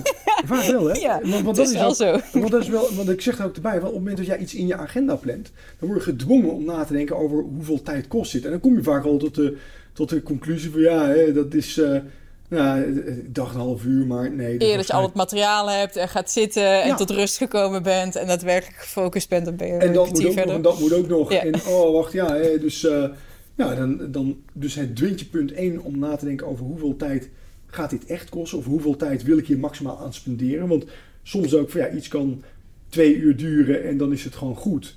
En het kan zes uur kan eraan gespendeerd worden, is het prima. Maar ja, die extra tijd is het gewoon niet waard om daarin te investeren.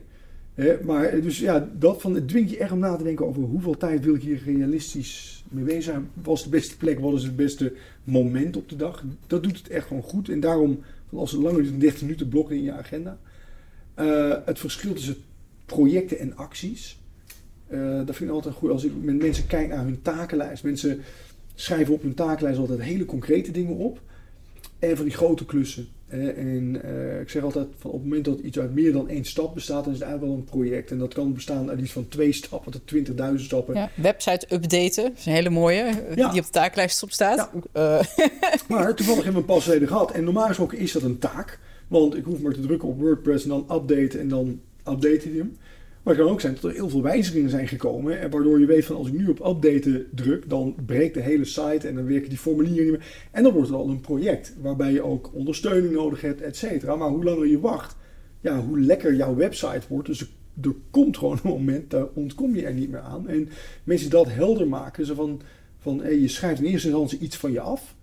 En later moet je nog gaan bedenken van is dit nou een taak of is het een project? En als het een project is, van hoe, hoe zet ik dit dan in gang? Hoe ziet er afgrond uit en hoe zet ik het in gang? En dat is ook van het, het verschil tussen een taak en een project. Dat, dat zien mensen echt altijd als een, als een, uh, als een hele belangrijke uh, tool. Um, wat voor mij nog heel erg prettig werkt, en die doet in onze training ook altijd goed, is dat je respect hebt voor elkaars concentratie. Um, we vinden altijd dat mensen respect moeten hebben voor onze concentratie, want ik zit er net lekker in en staat er iemand voor je neus. Terwijl um, zelf doen we het ook. ja, en dan is het van, oh wacht, mij valt wat binnen. Als je net, uh, oh, ik denk er net aan. En dan, maar als dat vijf, zes keer op een dag doet en alle collega's doen dat met elkaar, ja, dan krijgt natuurlijk niemand echt zijn, zijn concentratiewerk gedaan. Terwijl ik ben erachter gekomen dat heel veel van die dingen, en dat is begonnen op het moment dat ik veel onderweg was.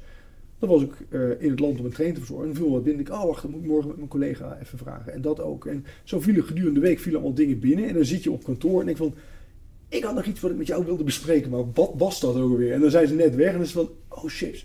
Of, oh dan valt je binnen en dan wil je op dat moment wil je dat ook kwijt. Terwijl als je dat soort dingen gewoon bij elkaar verzamelt. En dan zegt van, joh, heb je daar even een kwartiertje voor me? Ik heb even een paar dingen die ik tegen jou moet houden. Ja, die je de afgelopen week hebt verzameld. Ja.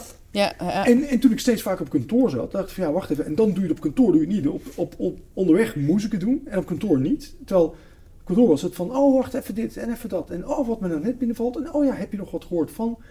En dat is hartstikke gezellig. Maar je houdt elkaar wel heel erg van het werk af. Want op een gegeven moment merk je ook van, van oh nee, vandaag heb ik, nee, vandaag voel ik me niet zo creatief.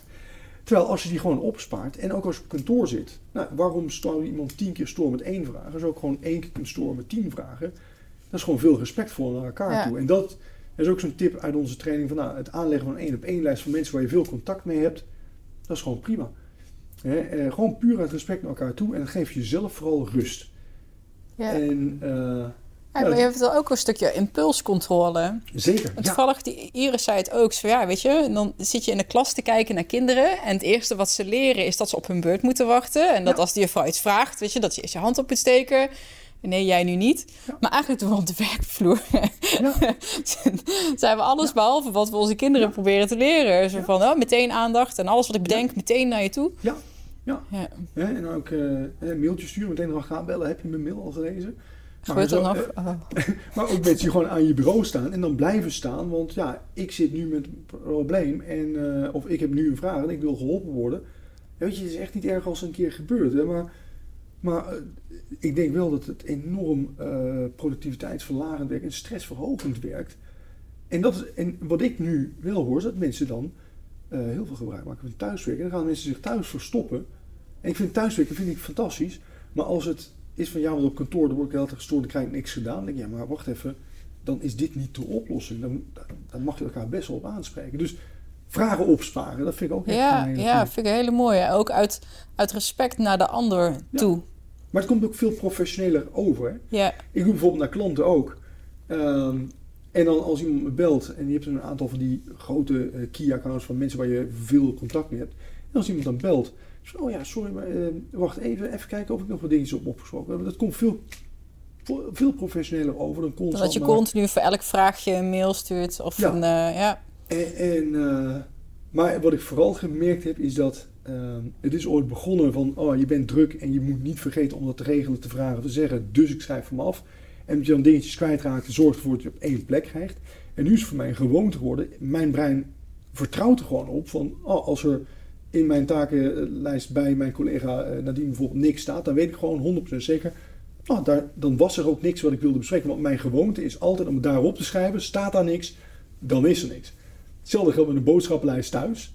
Ja, het zijn boodschappenlijstjes voor berichten naar mensen toe, basically, toch?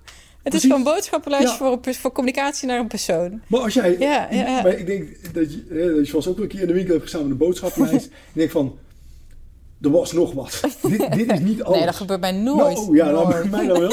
Maar nee. dat je, en, en datzelfde is ook eh, um, een systeem wat 99% waterdicht is, dat lekt. Dat heeft geen zin.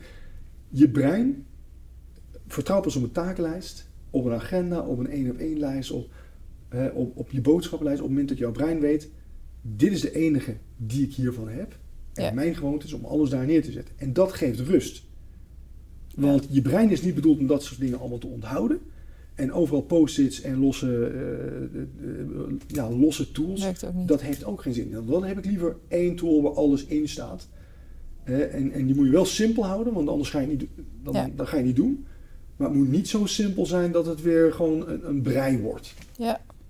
En ik, dat, ik ben nog even aan het naar mijmeren over dat uh, elkaar niet storen uit respect voor de ander. Dus je, je impuls eigenlijk een beetje bij je houden tot een geschikter moment om te communiceren met die persoon. Op het ja. werk kan ik me voorstellen dat, dat je dat um, een soort van shift in bedrijfscultuur. Daar kan je een, een, team of een afdeling ook wel in coachen. Van, dat is hoe we met elkaar omgaan. Ja.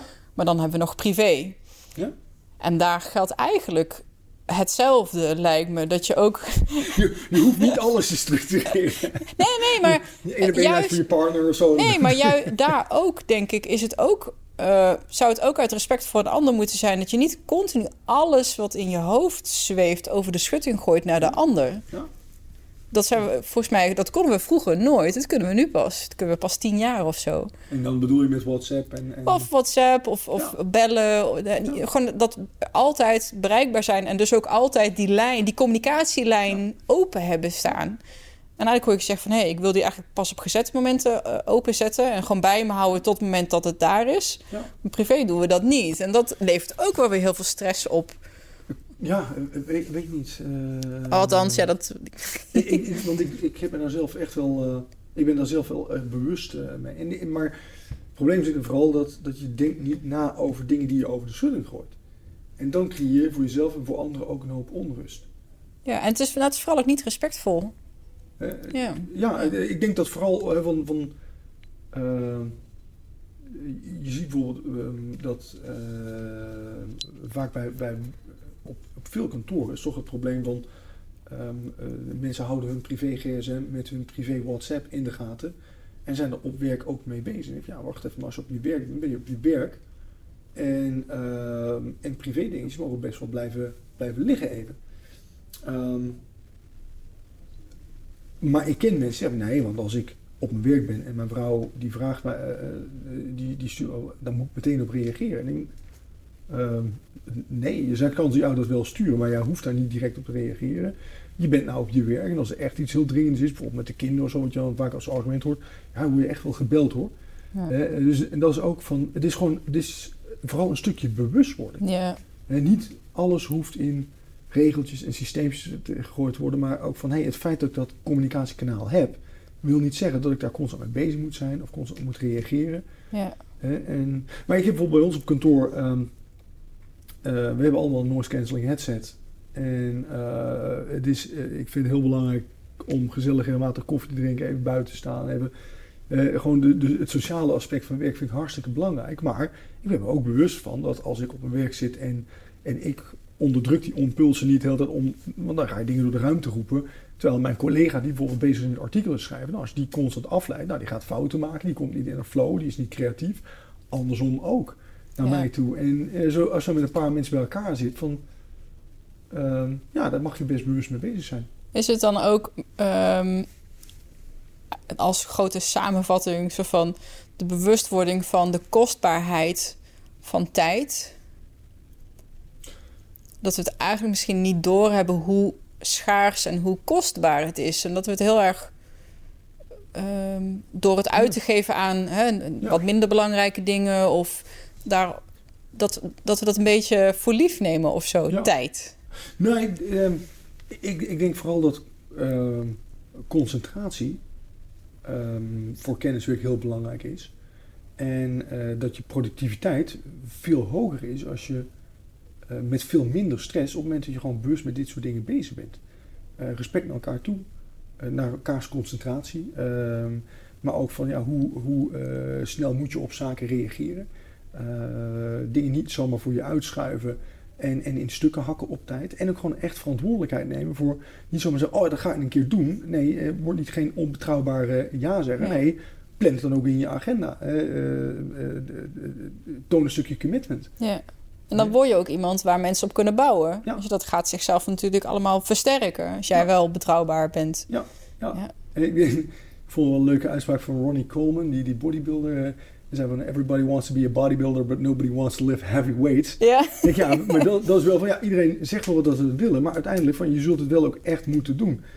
Eh, eh, die zaken wat ik nou net allemaal noem, ik denk van, als je die stuk voor stuk consequent toepast, dat dat gewoon heel, dat dat enorm helpt om minder stress te ervaren, productiever te zijn, wellicht ook succesvoller te zijn. ja. Eh, net zoals je als bodybuilder, als jij, wil- dan moet je elke dag gewoon trainen en moet je overal op letten. En dat is gewoon de commitment die je daarin moet stoppen. Wat is... ehm, wat vinden mensen het aller, aller, lastigst om, om aan te passen? Hoor je dat wel eens terug uit trainingen? Ehm, ik denk het allerlastigste dat ehm, mensen vaak vinden is gewoon om een systeem opzetten, een andere manier van werken opzetten, dat vinden mensen niet lastig. Dat vinden ze leuk. Ja, is Maar- nieuw, shiny new Nieuw, toy. ja, Ja, ja. leuk. Ja.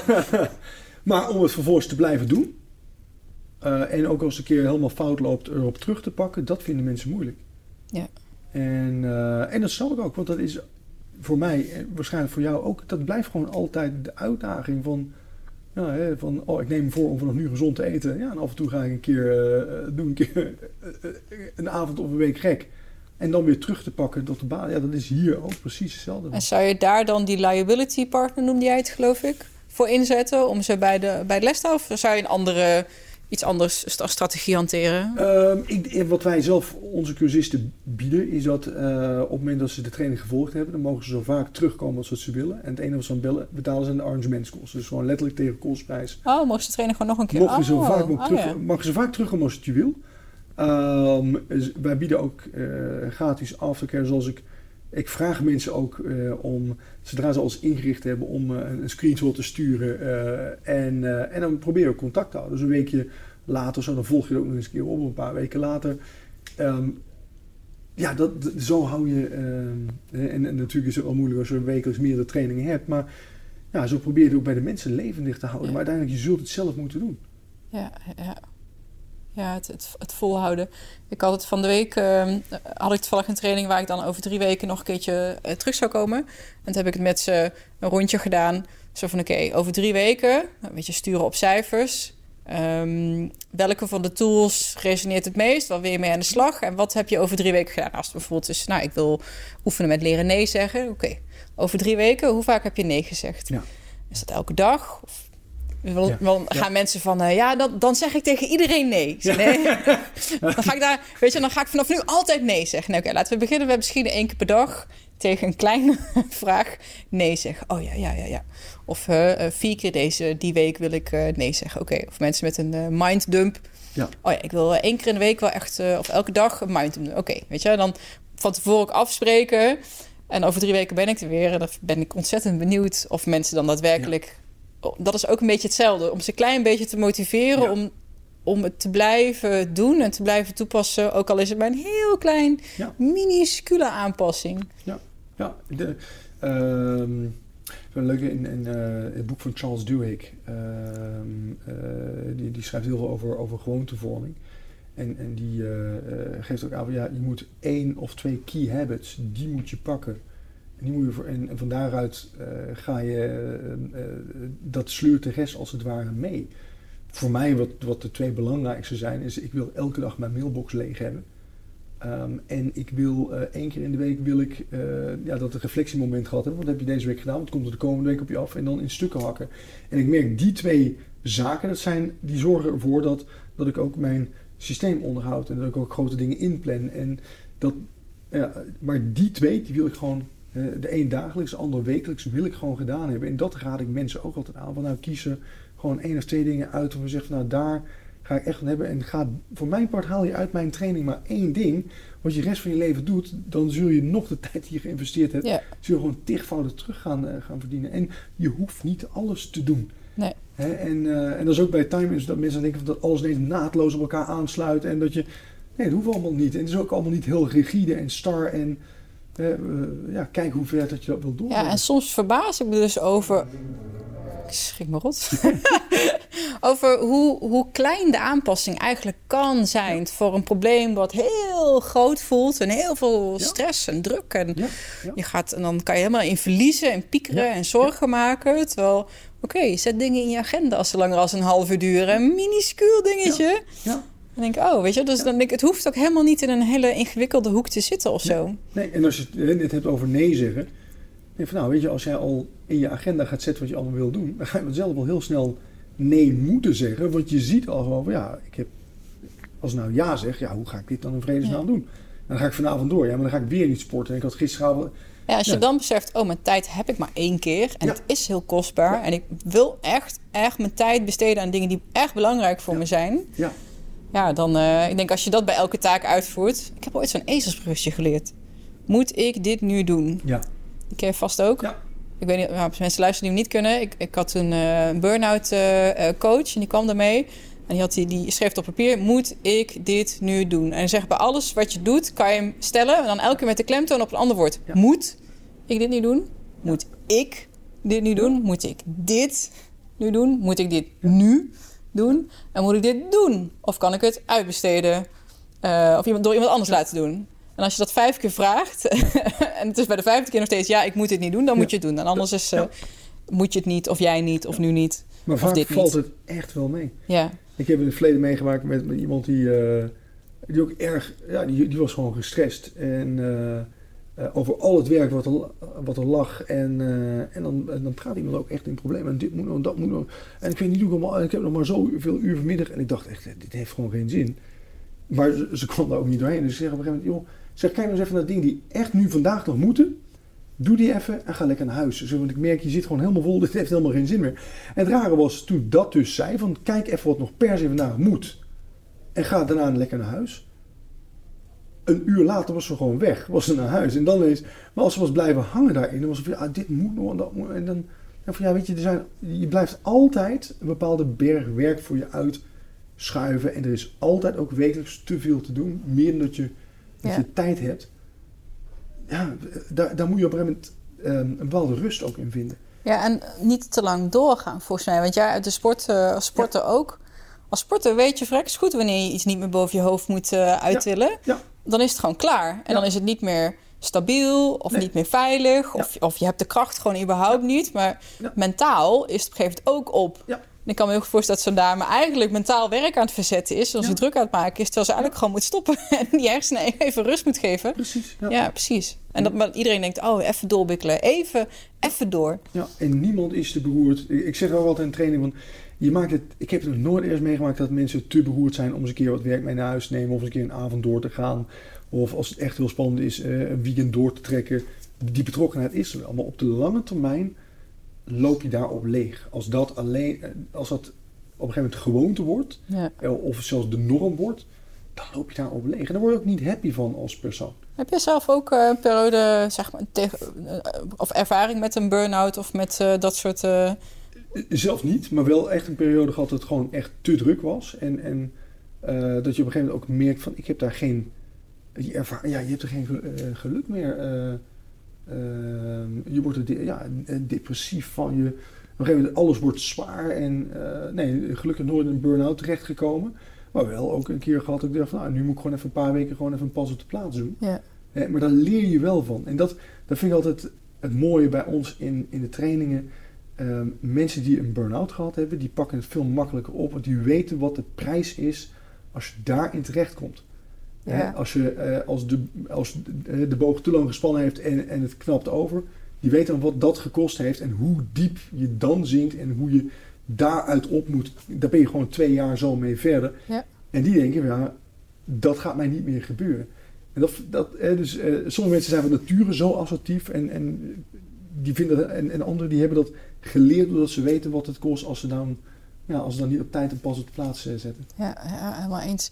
Zie jij of eh, denk je dat de, de time management technieken die we nu hebben, dat daar nog hele grote nieuwe ontwikkelingen in, in plaats kunnen vinden? Als je kijkt naar AI en technologie en hoe ons werk eruit ziet, is dat iets waar Ja, je soms ja. over nadenkt? Ja, zeker. zeker. Ja, even voor je bedrijf natuurlijk Ja, ja, nee, maar- relevant, maar La- laat, laat ik zo zeggen, ehm, dat heeft natuurlijk enorme stappen gemaakt. Als je kijkt naar het klassieke eh, beroep van secretaresse, van iemand die de telefoon aannam en, en eh, de agenda's inplande en zo, dat is bij de meeste organisaties is dat wel verdwenen. Daarnaast is het nu vaak een functie op HBO of universitair niveau. Dus echt, dat heeft een, een, een, een hele verandering gemaakt. Eh, het, het klassieke beroep van, van eh, boekhouder bijvoorbeeld. Uh, uh, in het verleden dan deden wij elke kwartaal gingen wij de boekhouding aanleveren bij de accountant. Nu is het gewoon, je gooit het door de printer of door de scanner. Dat scant het door, het programma indexeert alles en, en zet meteen. Daar, daar gaat. Um, dat werk is anders geworden. Uh, mensen zitten, dus, dus door die digitalisering zijn heel veel banen veranderd. En, en, maar ik denk nog altijd dat zolang mensen aan de knoppen blijven draaien, en daar geloof ik wel van dat dat uh, zal blijven gebeuren, is dat mensen nog altijd moeten nadenken over wat ligt er allemaal in werk, wat heeft prioriteit, wat ga ik wel doen, wat ga ik niet doen. Uh, dat ze um, weer concreet moeten maken. dus dat ze terug moeten brengen tot stappen, ja. in, in acties moeten omzetten, ze verantwoordelijkheid voor moeten nemen. Um, en wat ik gezien heb bijvoorbeeld, en dat is ook één ding wat wij in de training altijd naar kijken van waar komt werk op jou af? Ehm, eh, je bedenkt werk, uh, dat je ineens een idee krijgt, dan vraag je wat, je schrijft dingen op een klapblok, uh, je krijgt post binnen, um, mensen bellen je. Maar post en een klapblok en, en bellen, dat is al tegenwoordig steeds minder, want nu krijgen we ook werk binnen via de WhatsApp, omdat een collega wat vraagt, of via LinkedIn. Um, diverse e-mailprogramma's, CRM-systemen, et. Dus wat je ziet door digitalisering is dat de plekken waar informatie op je afkomt, waar jij mogelijkerwijs wat mee moet, die zijn veranderd. En uh, dat het feit dat we nu altijd bereikbaar kunnen zijn, dat mm. dat ook echt wat met mensen doet. De post die kwam vroeger maar één keer per dag. Dus dat was ook wel lekker. Nu, e-mail, die, gewoon, die komt real-time binnen. Ja, dat geeft ook een hele beleving bij ons, of we daar constant mee bezig moeten zijn. En ja, dus ik denk dat, dat die zaken die zijn gewoon universeel. Ja. En, en ja, eh, hoe verder uh, technieken zich ook ontwikkelen, ik denk dat die altijd zullen ja, blijven het, zal nog, nog sneller en nog meer real-time allemaal zijn. En we hebben die, die buffer niet meer. Die we eerst hadden, omdat de communicatie wat langzamer was. Dus we zijn, uh, die buffer moeten we denk ik zelf gewoon wat leren creëren. Ik, ik denk, um, ja, zoals ik zei, van ja, je moet daar bewust mee, ja. mee zijn. Um, ik ken mensen als die een mailtje sturen, mensen die dan die wij uh, dienstverleners richting mijn bedrijf, als ik die, uh, ik zit wel s'avonds een mailtje sturen en dan, uh, dan ben je nog met de administratie, als ik bijvoorbeeld in een hotel zit of wat dan ook, en denk van nou, werk even door. En, en dan krijg ik gewoon binnen een kwartier, twintig minuten een antwoord van die. En ik van, nee, wacht even, maar dit verwacht ik eigenlijk helemaal niet van jou. En volgens mij is dit ook niet je beste tijd op de dag om dit soort dingen te doen. Qua energie, qua mentale energie. Maar volgens mij krijg ik wel gewoon een factuur. Die, uh, hetzelfde is als tijdens kantooruren. Um, dus uh, ja, ik denk dat mensen daar wel um, bewuster ook zelf mee bezig mogen zijn. En mogen denken van ja, moet ik wel overal meteen alles op reageren? En is die buffer er inderdaad niet meer? Dat is wel grappig. Want je zei, hè, je hebt een zen-meditatiecursus. Ja. En ook met zen en mediteren is het allemaal het creëren van afstand. Afstand van onze gedachten, afstand van die, die impulsen die we continu uh, hebben. Is dat ook... ik, ik weet niet of het een afstand is, maar misschien eerder een soort van filter. Ja. niet meteen binnen laten komen en meteen overal op reageren. Ja. Je, je hebt namelijk geen invloed op wat er op een dag allemaal op je afkomt, maar wel hoe jij daarmee omgaat. En ik denk dat daar dat... dat... We hebben het over de Stoïcijnen bijna. Dus ik weet niet of je ze kent, ja, de, oude ja. Stoïcijn, of de oude, de Stoïcijnse leer. Ja. Je hebt geen controle over de omgeving, alleen over hoe jij daarop reageert. Ja, ja. En, en dat is wel... ik denk dat dat wel uh, anders geworden is. In plaats van post uh, hebben we nou e-mail en andere communicatiemiddelen. En dan moet je daar bewust mee zijn. Maar je hebt ook, als jij een bepaald bedrijf werkt waar bepaalde ehm, verwachtingen daaraan gekoppeld worden en, en, misschien wel heel dwingend zijn, ja, dan moet je op een gegeven moment ook afvragen van, hé, hey, ja, wil ik dit wel? Want, want dat is ook van, je hebt altijd de keuze van, wil ik dit wel? Ik zou net ineens te bedenken, wij hebben het nu over post. Ja, maar die, ik gooi me heel bewust dat die zo ouderwets is. Ja, maar, het, het voelt in mijn hoofd niet ouderwets. Maar ik weet 100% zeker dat er gewoon nu iemand zit te luisteren. Die, ja, die, die, nou, die, die wil wel weten wat post is, maar die daar een hele andere beleving bij hebben dan ja. uh, jij en ik. En ik vind mezelf totaal niet oud, maar er komt nu een hele generatie. Ja. Voor wie, voor ons is het nog gek om altijd bereikbaar te zijn en, en direct te, te. Weet je, we zijn ons nog zo van, oh, ik weet ook dat het anders kan. Ja, ik kan me nog herinneren dat wij thuis vroeger geen telefoon hadden. Ja, we moesten opstaan om de televisie op een ander zender. Serieus? Ja, ja, als kind weliswaar, klein kind. Maar het is wel gebeurd. Ja, ja, ja. dat kan je je eigenlijk niet meer voorstellen. Ja, mijn... Uh, ik heb een dochter van uh, nu bijna acht. En ja, ik weet nog dat hij richting de tv liep en, en dus de tv probeerde te swipen gewoon. Dus het gewend zijn van, ja, terwijl, uh, ja, ik heb inderdaad ook nog gewoon met drukknoppen en... Uh, maar die kun je dus ook niet uitleggen dat als we in de auto zitten, dat, dat YouTube het dus in de auto niet doet. Want we hebben dus geen.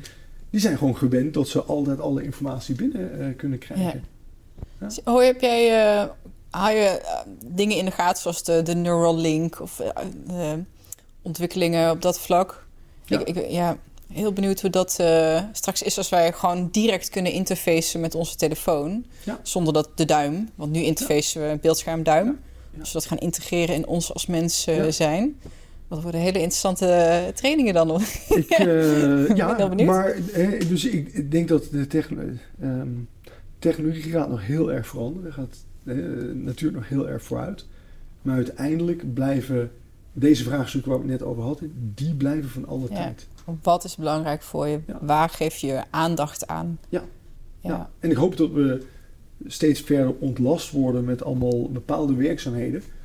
Maar wat ik daar dan persoonlijk weer wel interessant vind, wat komt daarvoor in de plaats? En er was in het verleden wel eens gesproken over dat er een basisinkomen moet komen voor iedereen. Want dadelijk door robotisering zo is voor een gedeelte van mensen geen werk meer. En van, ja, met, met een economische achtergrond denk ik dan, ja, maar wacht even.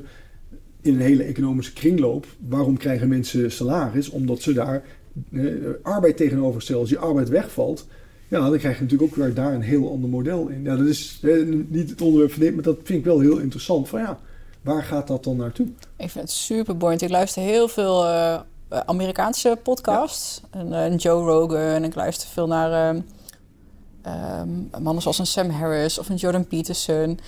En elke keer dan komt het Universal Basic Income voorbij. En dan hoor je voor en dan weer tegen. Ja, je kan als niet-econoom of niet, niet nou, bijna filosoof, want het lijkt bijna een soort van filosofisch vraagstuk ja. uh, bijna. Ik denk, jeetje, nou, ik ben blij dat we heel veel slimme mensen hebben die zich hierover mogen buigen. Want, oh, mijn hemel, dat wordt nog wat. Als we straks echt uh, ja. deel van onze arbeidskrachten niet meer nodig hebben, omdat het uh, geautomatiseerd wordt. Ja, maar... en, of het, en dan zijn mensen, oh, maar het is heel goed.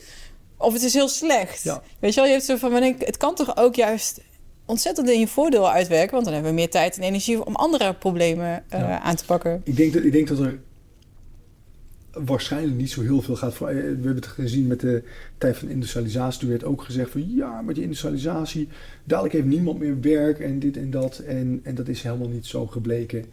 Uh, uh, iedereen heeft gewoon, er kwam juist meer werkgelegenheid, uh, meer welvaart. En ik denk dat dat uh, dat dat hier ook zal zijn. we hebben altijd weerstand. Ik hoorde laatst dat er een tijd terug dat er zelfs een podcast is die uh, allemaal innovaties bespreekt. Uh, waar heel veel weerstand tegen was. Oké. Heel veel. Maar dat van de strijkbout ja. tot paard en wagen, tot de koelkast. En, ja. want voor alles wordt in eerste instantie nee, want dan we moeten het met de hand doen. En, ja. en maar als je dat dan van langer geleden zie, dan zie je ook de futiliteit bij. Nou ja, uh, je kan je wel verzetten tegen het wasmachine, maar mijn hemel, wat zijn heel veel vrouwen daar toch blij mee dat dat ja, is. Ja. Of de auto, of uh, de elektrische heggenschaar, ik weet het niet. maar dat het een beetje mens eigen is om zich daar tegen af te zetten en te denken, oh nee, maar dit heb ik nu. Dit is nu van mij. Dit is het werk wat ik doe. Dit is de verantwoordelijkheden die ik heb en die wil ik ook gewoon blijven houden. Mag niemand aankomen. Ja, ik denk dat, dat mensen zijn van nature gewoon gewoontedieren. Dus wij vinden het ook lekker om uh, ons brein om routines te bouwen, want over routines hoef je niet meer na te denken. En op een gegeven moment vragen wij ons niet meer af van, uh, ik heb een bepaalde routine ontwikkeld, maar is dat eigenlijk ook wel slim? Is dit ook wel handig? of dat nou gaat om, ja, maar ik doe altijd afwas met de hand. En ineens krijg je nou, een apparaat ervoor waar je het mee kunt afwassen. Van, ja, bijvoorbeeld mijn, mijn moeder die gebruikt haar afwasmachine nog altijd niet. Dus die heeft van, oh nee, maar dat is gewoon onzin. En je hebt het net zo snel met de hand. Nou, weet je, ik zie hoe lang zij ermee bezig bent, ik zie hoe lang ik ermee bezig ben. Dus dat staat helemaal nergens op, maar dat is gewoon een bepaalde gewoonte die dan doorbroken moet worden. En daar komt weerstand tegen. Wat je ook ziet, is dat, ehm, eh, en dat zie je dan bijvoorbeeld bij e-mail, is dat een aantal jaar geleden toen we een paar mailtjes per dag kregen, dan van nou, af en toe komt er ping, zo'n pop-upje, hey, leuk, even wat anders doen. Nou, ik beantwoord het even, ik los het even op. Oh, wat was ik al aan het doen? Nou, als jij 5 à 10 mailtjes per dag krijgt, is e-mail een prima onderbreking. Maar op het moment dat je 60, 70 op een dag krijgt, dan, ja, dan, dan, dan trek je dat helemaal leeg qua energie. Je krijgt productiviteit, krijg je veel minder gedaan. Maar je vraagt je op een gegeven moment ook niet meer af van... hé, hey, die routine die dus mij ontwikkeld is van... ik hoor uh, dat pingetje, ik ga kijken, ik ga beantwoorden. Is dat wel de slimste manier om dit te doen? Het is gewoon een routine. En op een gegeven moment ga ik ook zeggen, als iemand dan zegt... joh, dat moet je doen, zet die notificaties uit... en check gewoon twee of drie keer per dag je mail dan krijgt hij weerstand van ja, maar als ik dat doe, dan gaan mijn klanten allemaal weg. Of dan zijn mijn collega's boos. Of dat mag niet van mijn baas. Terwijl als dan die klant of die collega of die baas dat vraagt van ja, is dat nou echt zo erg? Dan valt dat eigenlijk altijd wel, ja, valt het vaak mee. En als je dan met een, uh, een, een, een ehm, iets, eh, volgens mij kwam Mark Tichelaar, waar heb ik het van hem gehoord, dat je ook je IQ nog eens 10 eh, punten daalt op het moment dat jij switcht van taak. Weet je, als je ook nog dat er tegenaan zet. Ja, het is, uh, is inderdaad een jaar geleden een onderzoek geweest van... ehm, eh, dat, dat ze mensen een IQ-test hadden laten doen. eh, terwijl die gewoon heel geconcentreerd konden zitten werken. En mensen moesten een IQ-test doen terwijl ze regelmatig gestoord werden. En daar bleek dus inderdaad dat dus, nou, niet als ze dan eh, het IQ daalt, maar de score lag inderdaad 10 Ja. IQ-punten lager, omdat ze meer tijd nodig hadden. Want de IQ-test gaat op tijd en ze maakten meer fouten. Ja. En, eh, maar dat is inderdaad zo. Ja, dus, eh, nee, is gewoon helemaal. Dan zie je mensen een beetje zo knipperen, zo wazig kijken. Ja. Oh mijn hemel. Maar als je over multitasking hebt, wij noemen, ik noem het een training wel eens gewoon wat voorbeelden uit verschillende studies, waar dus gebleken is wat dat met je doet qua werkdrukbeleving, qua, qua fouten die je maakt, tijd die je nodig hebt. Maar inderdaad ook, ja, je IQ is zo'n 10 IQ-punten lager. Ik schrik er wel eens gek bij van ja, bij jullie niet, maar ik ken mensen die kunnen niet eens missen, gewoon 10 punten. maar, maar het is wel bekend dat er bijvoorbeeld eh, dat, er, dat hele slimme mensen ontzettend domme fouten maken. Doordat ze eh, gestoord waren, met twee dingen tegelijkertijd bezig waren. Eh, in, in ziekenhuizen, medische missers. Eh, Ik mag hopen dat als ik ooit onder een mes lig, dat die chirurg niet half op zijn telefoon eh, continu afgeleid wordt. Ja, maar ik heb bijvoorbeeld zelf uh, bij meegemaakt. Uh, mijn oma lag in het ziekenhuis en die is overleden omdat ze gewoon een veel te hoge dosis hadden aangesloten van iets. En dat was gewoon ja, een fout. Iemand was op dat moment er niet helemaal bij met ze. Het is niet voor niks dat ze een aantal jaar geleden ook weer die nieuwe rekentoets en zo hebben ingevoerd voor verpleegkundigen bij de opleiding en dergelijke. Maar daar ligt de oplossing. Ze kunnen best wel rekenen. Maar op het moment dat je met twee, drie dingen tegelijkertijd bezig bent. Het is de aandacht. Het is het, ja. kunnen, het kunnen concentreren. Ja, ik heb uh, uh, ooit een, een, een plastisch chirurg uh, training gehad. Um, en, en die vertelde van. Ja, af en, af en toe, van, je hebt net een operatie gedaan en je gaat dan weer een poli lopen. En op de gang ben je nog even snel en kijken, ben je ja en nee zeggen tegen dingen. Ik, ja, ik hoop dat daar geen levensbedreigende zaken tussen zaten of medicijnen. Want je, want je, je gaat dan echt op dat moment misschien wel fouten maken. Uh, luchtverkeersleiders mogen ook niet gestoord worden tijdens hun werk. Nee, ja. ja grappig hè. We denken allemaal, uh, daar wordt het uh, ingekaderd. En ook als je kijkt naar hoe mensen voelt, hè, voor hun huisdier zorgen versus voor, versus voor hunzelf zorgen. Dat we. Um, dat het bijna is dat we het onszelf niet waard vinden of zo. Om, zo, om je, je tijd en je aandacht en je focus dermate Kijk, voor een chirurg snap je het. Ja. En voor een luchtverkeersleider van, oh, dat, is waar, dat moet je bewaken, want dat doet belangrijk werk. Ja. En uh, als ik een, uh, een of andere hond heb waar ik helemaal gek op ben, dan wil ik daar ook goed voeren en goed verzorgen. Want het is ja. belangrijk, die hond voor me. En dan ga ik naar mezelf kijken, hoe ik met mijn tijd omga, met mijn voeding omga, met mijn energie en met mijn slaap. Weet je, en al die andere dingen. Oh ja, nee, weet je, dat, dat, dus ja, misschien is het ook daar een stukje zelfrespect of zo. Ja, ik. Uh...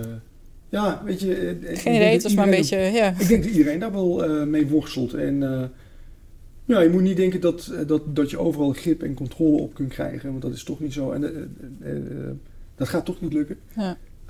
maar ik denk dat, dat je wel...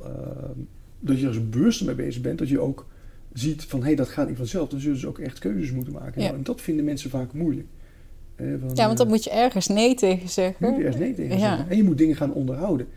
Je wil zeggen van, oh, ik wil vanaf nu gewoon meer rust hebben om aan grote dingen te kunnen werken of meer rust om gewoon meer vrije tijd te hebben. Maar dat wil dus wel zeggen dat je dus ook je werk gewoon goed georganiseerd moet hebben en dat je een overzicht moet hebben, dat je dus die keuzes kunt maken. En, uh, en, en dat kan ook wel af en toe een keer fout gaan en dan moet je het weer gewoon bijstellen. Ja. Maar ja, dat, dat blijft een uitdaging. Ja, ja, ja. hey, volgens mij kunnen wij nog een hele dag over uh, tijd. En ja, ik vind het vooral zo gaaf ook weer om te zien. Je de, eigenlijk gaat het niet over time management, maar het gaat inderdaad over zelfrespect en waarde en over uh, prioriteiten stellen en, en keuzes, keuzes, maken. keuzes maken. Um, ja, en, en, waar wil je naartoe? Um, is er nog iets wat je wat niet aan bod is gekomen, waar je denkt, oh, dat had ik nog wel leuk gevonden om dat uh, te bespreken? Um, nou, het, het, enige wat ik, uh, want we hebben het nou over times, en ik denk inderdaad dat we daar makkelijk nog een paar dagen over zouden kunnen praten. Het uh, enige wat ik, uh, wat ik merk, en misschien heb jij dat ook um, in trainingen, dat mensen denken omdat ik daar zo veel passie over heb, over dat onderwerp, en omdat we daar in een training bijvoorbeeld een hele dag over praten, denken mensen soms dat ik de hele dag met niks anders bezig ben dan lijstjes maken en, en bezig met, met nadenken over mijn werk en dat er nooit wat fout gaat. En, en dat is helemaal niet zo. Het zijn gewoon time is dus niks anders dan een aantal goede gewoontes of bewuste keuzes die je gemaakt hebt, waar je zelf aan gaat houden en waar je routines van wil maken, die gewoon automatisch op de achtergrond draaien en die dus geen moeite meer kosten. En, ja, en af en toe gaat het ook een keer fout en dan stel je het gewoon bij. Uh, net zoals je vroeg, van, ja, hoe ga je zelf om met die grote projecten? Nou, ik ben ook nu erachter gekomen weer dat ik eigenlijk te veel wilde. En dat is helemaal niet erg als er van tevoren achterkomt en dat je een keuzes maakt. Ja, en dat je daar gewoon, dat je prima vindt dat je keuzes maakt. En dat je ook prima vindt dat je dus bewust bepaalde dingen gewoon helemaal schrapt of op de lange termijn gooit. En dat je dat, ja, dat, uh, dat, dat dus gewoon heel natuurlijk proces is en dat het helemaal niet zo rigide is. Maar nou, dat is wel een beetje de disclaimer misschien ja. dat ik aan wil meegeven. Hey, wij zijn niet de hele dag bezig met lijstjes maken en dingen plannen. Nou, wat jij denk ik voor mensen doet, is je hebt een manier gevonden, een gewoonte, een soort van programmaatjes, een programmaatje voor jezelf geschreven, een protocol of een bepaalde manier van werken. Ja. Um, om je, je, je processen te optimaliseren. En hoe je je werk inricht, dat is een onderdeel van het proces. Maar dat moet je wel uh, inprinten. Dat, dat, dat zit er niet vanzelf. Dat wordt dus op school. Op school word je nog zo erg aan de hand uh, genomen. Want daar doet de juffrouw het van jou. Dit uur doen we dat en dat uur doen we dat. En dan moet je een examen doen. Dus je, je hoeft er eigenlijk zelf niet over na te denken. En wat jij probeert te doen in je training is... volgens mij mensen van een programmaatje aanleren... waarin ze het, alles wat op hen afkomt langs kunnen gooien. Ja. Uh, maar dat wil niet zeggen dat dat programma altijd aanstaat... of dat er niet een keer door de, de tyrannie van het urgente daar iets anders gebeurt. Ja, precies. Ja, dus gewoon een soort van her, ja, een nieuw programmaatje. Een bepaalde routine. Ja. Gewoon bewust bezig zijn van mensen. Uh, je leert op welke opleiding je ook gedaan hebt. Je leert wel de inhoud van je, van je vak, maar niet hoe je dat werk daadwerkelijk moet gaan doen. Ja, dat wordt voor je bepaald. Sommigen leren het, uh, uh, sommigen die, die, die, die kunnen dat meteen, sommigen die leren het, sommigen die leren het nooit. maar ik denk dat, dat heel veel mensen daar gewoon echt in te helpen zijn en dat ze vooral heel veel rust geeft en, en veel meer voldoening van hun werk. Want dat is ook van, waarom doe je dat? Ja, ik vind gewoon werk, daar gaat gewoon enorm veel vrije tijd in zitten. in werk gaat veel vrije tijd ja, zitten. Ja, dat gewoon voor je dag. Je brengt meer tijd mee. Veel mensen brengen meer tijd door met hun collega's dan met hun gezin. En je wil wel op het einde van, de, van een dag, van een maand, van een jaar, wil je naar huis gaan en, en daar voldoening uithalen. Dat wil niet zeggen dat elke dag gewoon allemaal fantastisch moet zijn, maar maar je wil daar wel, uh, het moet je meer energie opleveren dat het kost. En, en dat, dat is uiteindelijk waar je dit voor doet. Ja. ja. Uh, meer voor elkaar krijgen in minder tijd. Of uh, de, de, de belangrijke voor elkaar krijgen en meer tijd voor jezelf hebben. Ja, bezig ja. met de juiste dingen. Hè? Ja. En, en, en uh, tijd over hebben voor de zaken die er, die er echt toe doen en waar je anders niet aan toe komt. Hm. Ja. Mooi. Mooie missie waar jullie mensen mee helpen. Als ze meer over jou en de training willen weten, waar kunnen ze het beste naartoe? Nou, ze kunnen kijken op uh, tijdwinst.com of op uh, waar we gewoon elke week artikelen ook uh, ja, gratis publiceren over dit soort onderwerpen. Ja. En ja, dus daar kunnen ze alles vinden. Een aantal tips die we vandaag ook hebben besproken ook terugvinden. Mooi. Ik zal zorgen dat het linkje ook in de omschrijving bij deze podcast komt. Dankjewel. Ja, jij ook bedankt. Dat was hem. Dankjewel voor het luisteren. Je bent tot het einde gekomen, dus ik hoop dat je hier waardevolle inspiratie uit hebt gehaald. En als dat zo is, eh, voel je vrij om bijvoorbeeld een eh, screenshotje te delen op in je Instagram stories of mij een berichtje te sturen. Of je me te abonneren of uiteraard een fijne review of 5 sterren rating voor me achter te laten. Daar maak je mij ontzettend blij mee namelijk. Rest mij niks anders dan te zeggen: geniet van je dag, enjoy life uh, en onthoud de story can wait. Sit back, relax and enjoy the ride.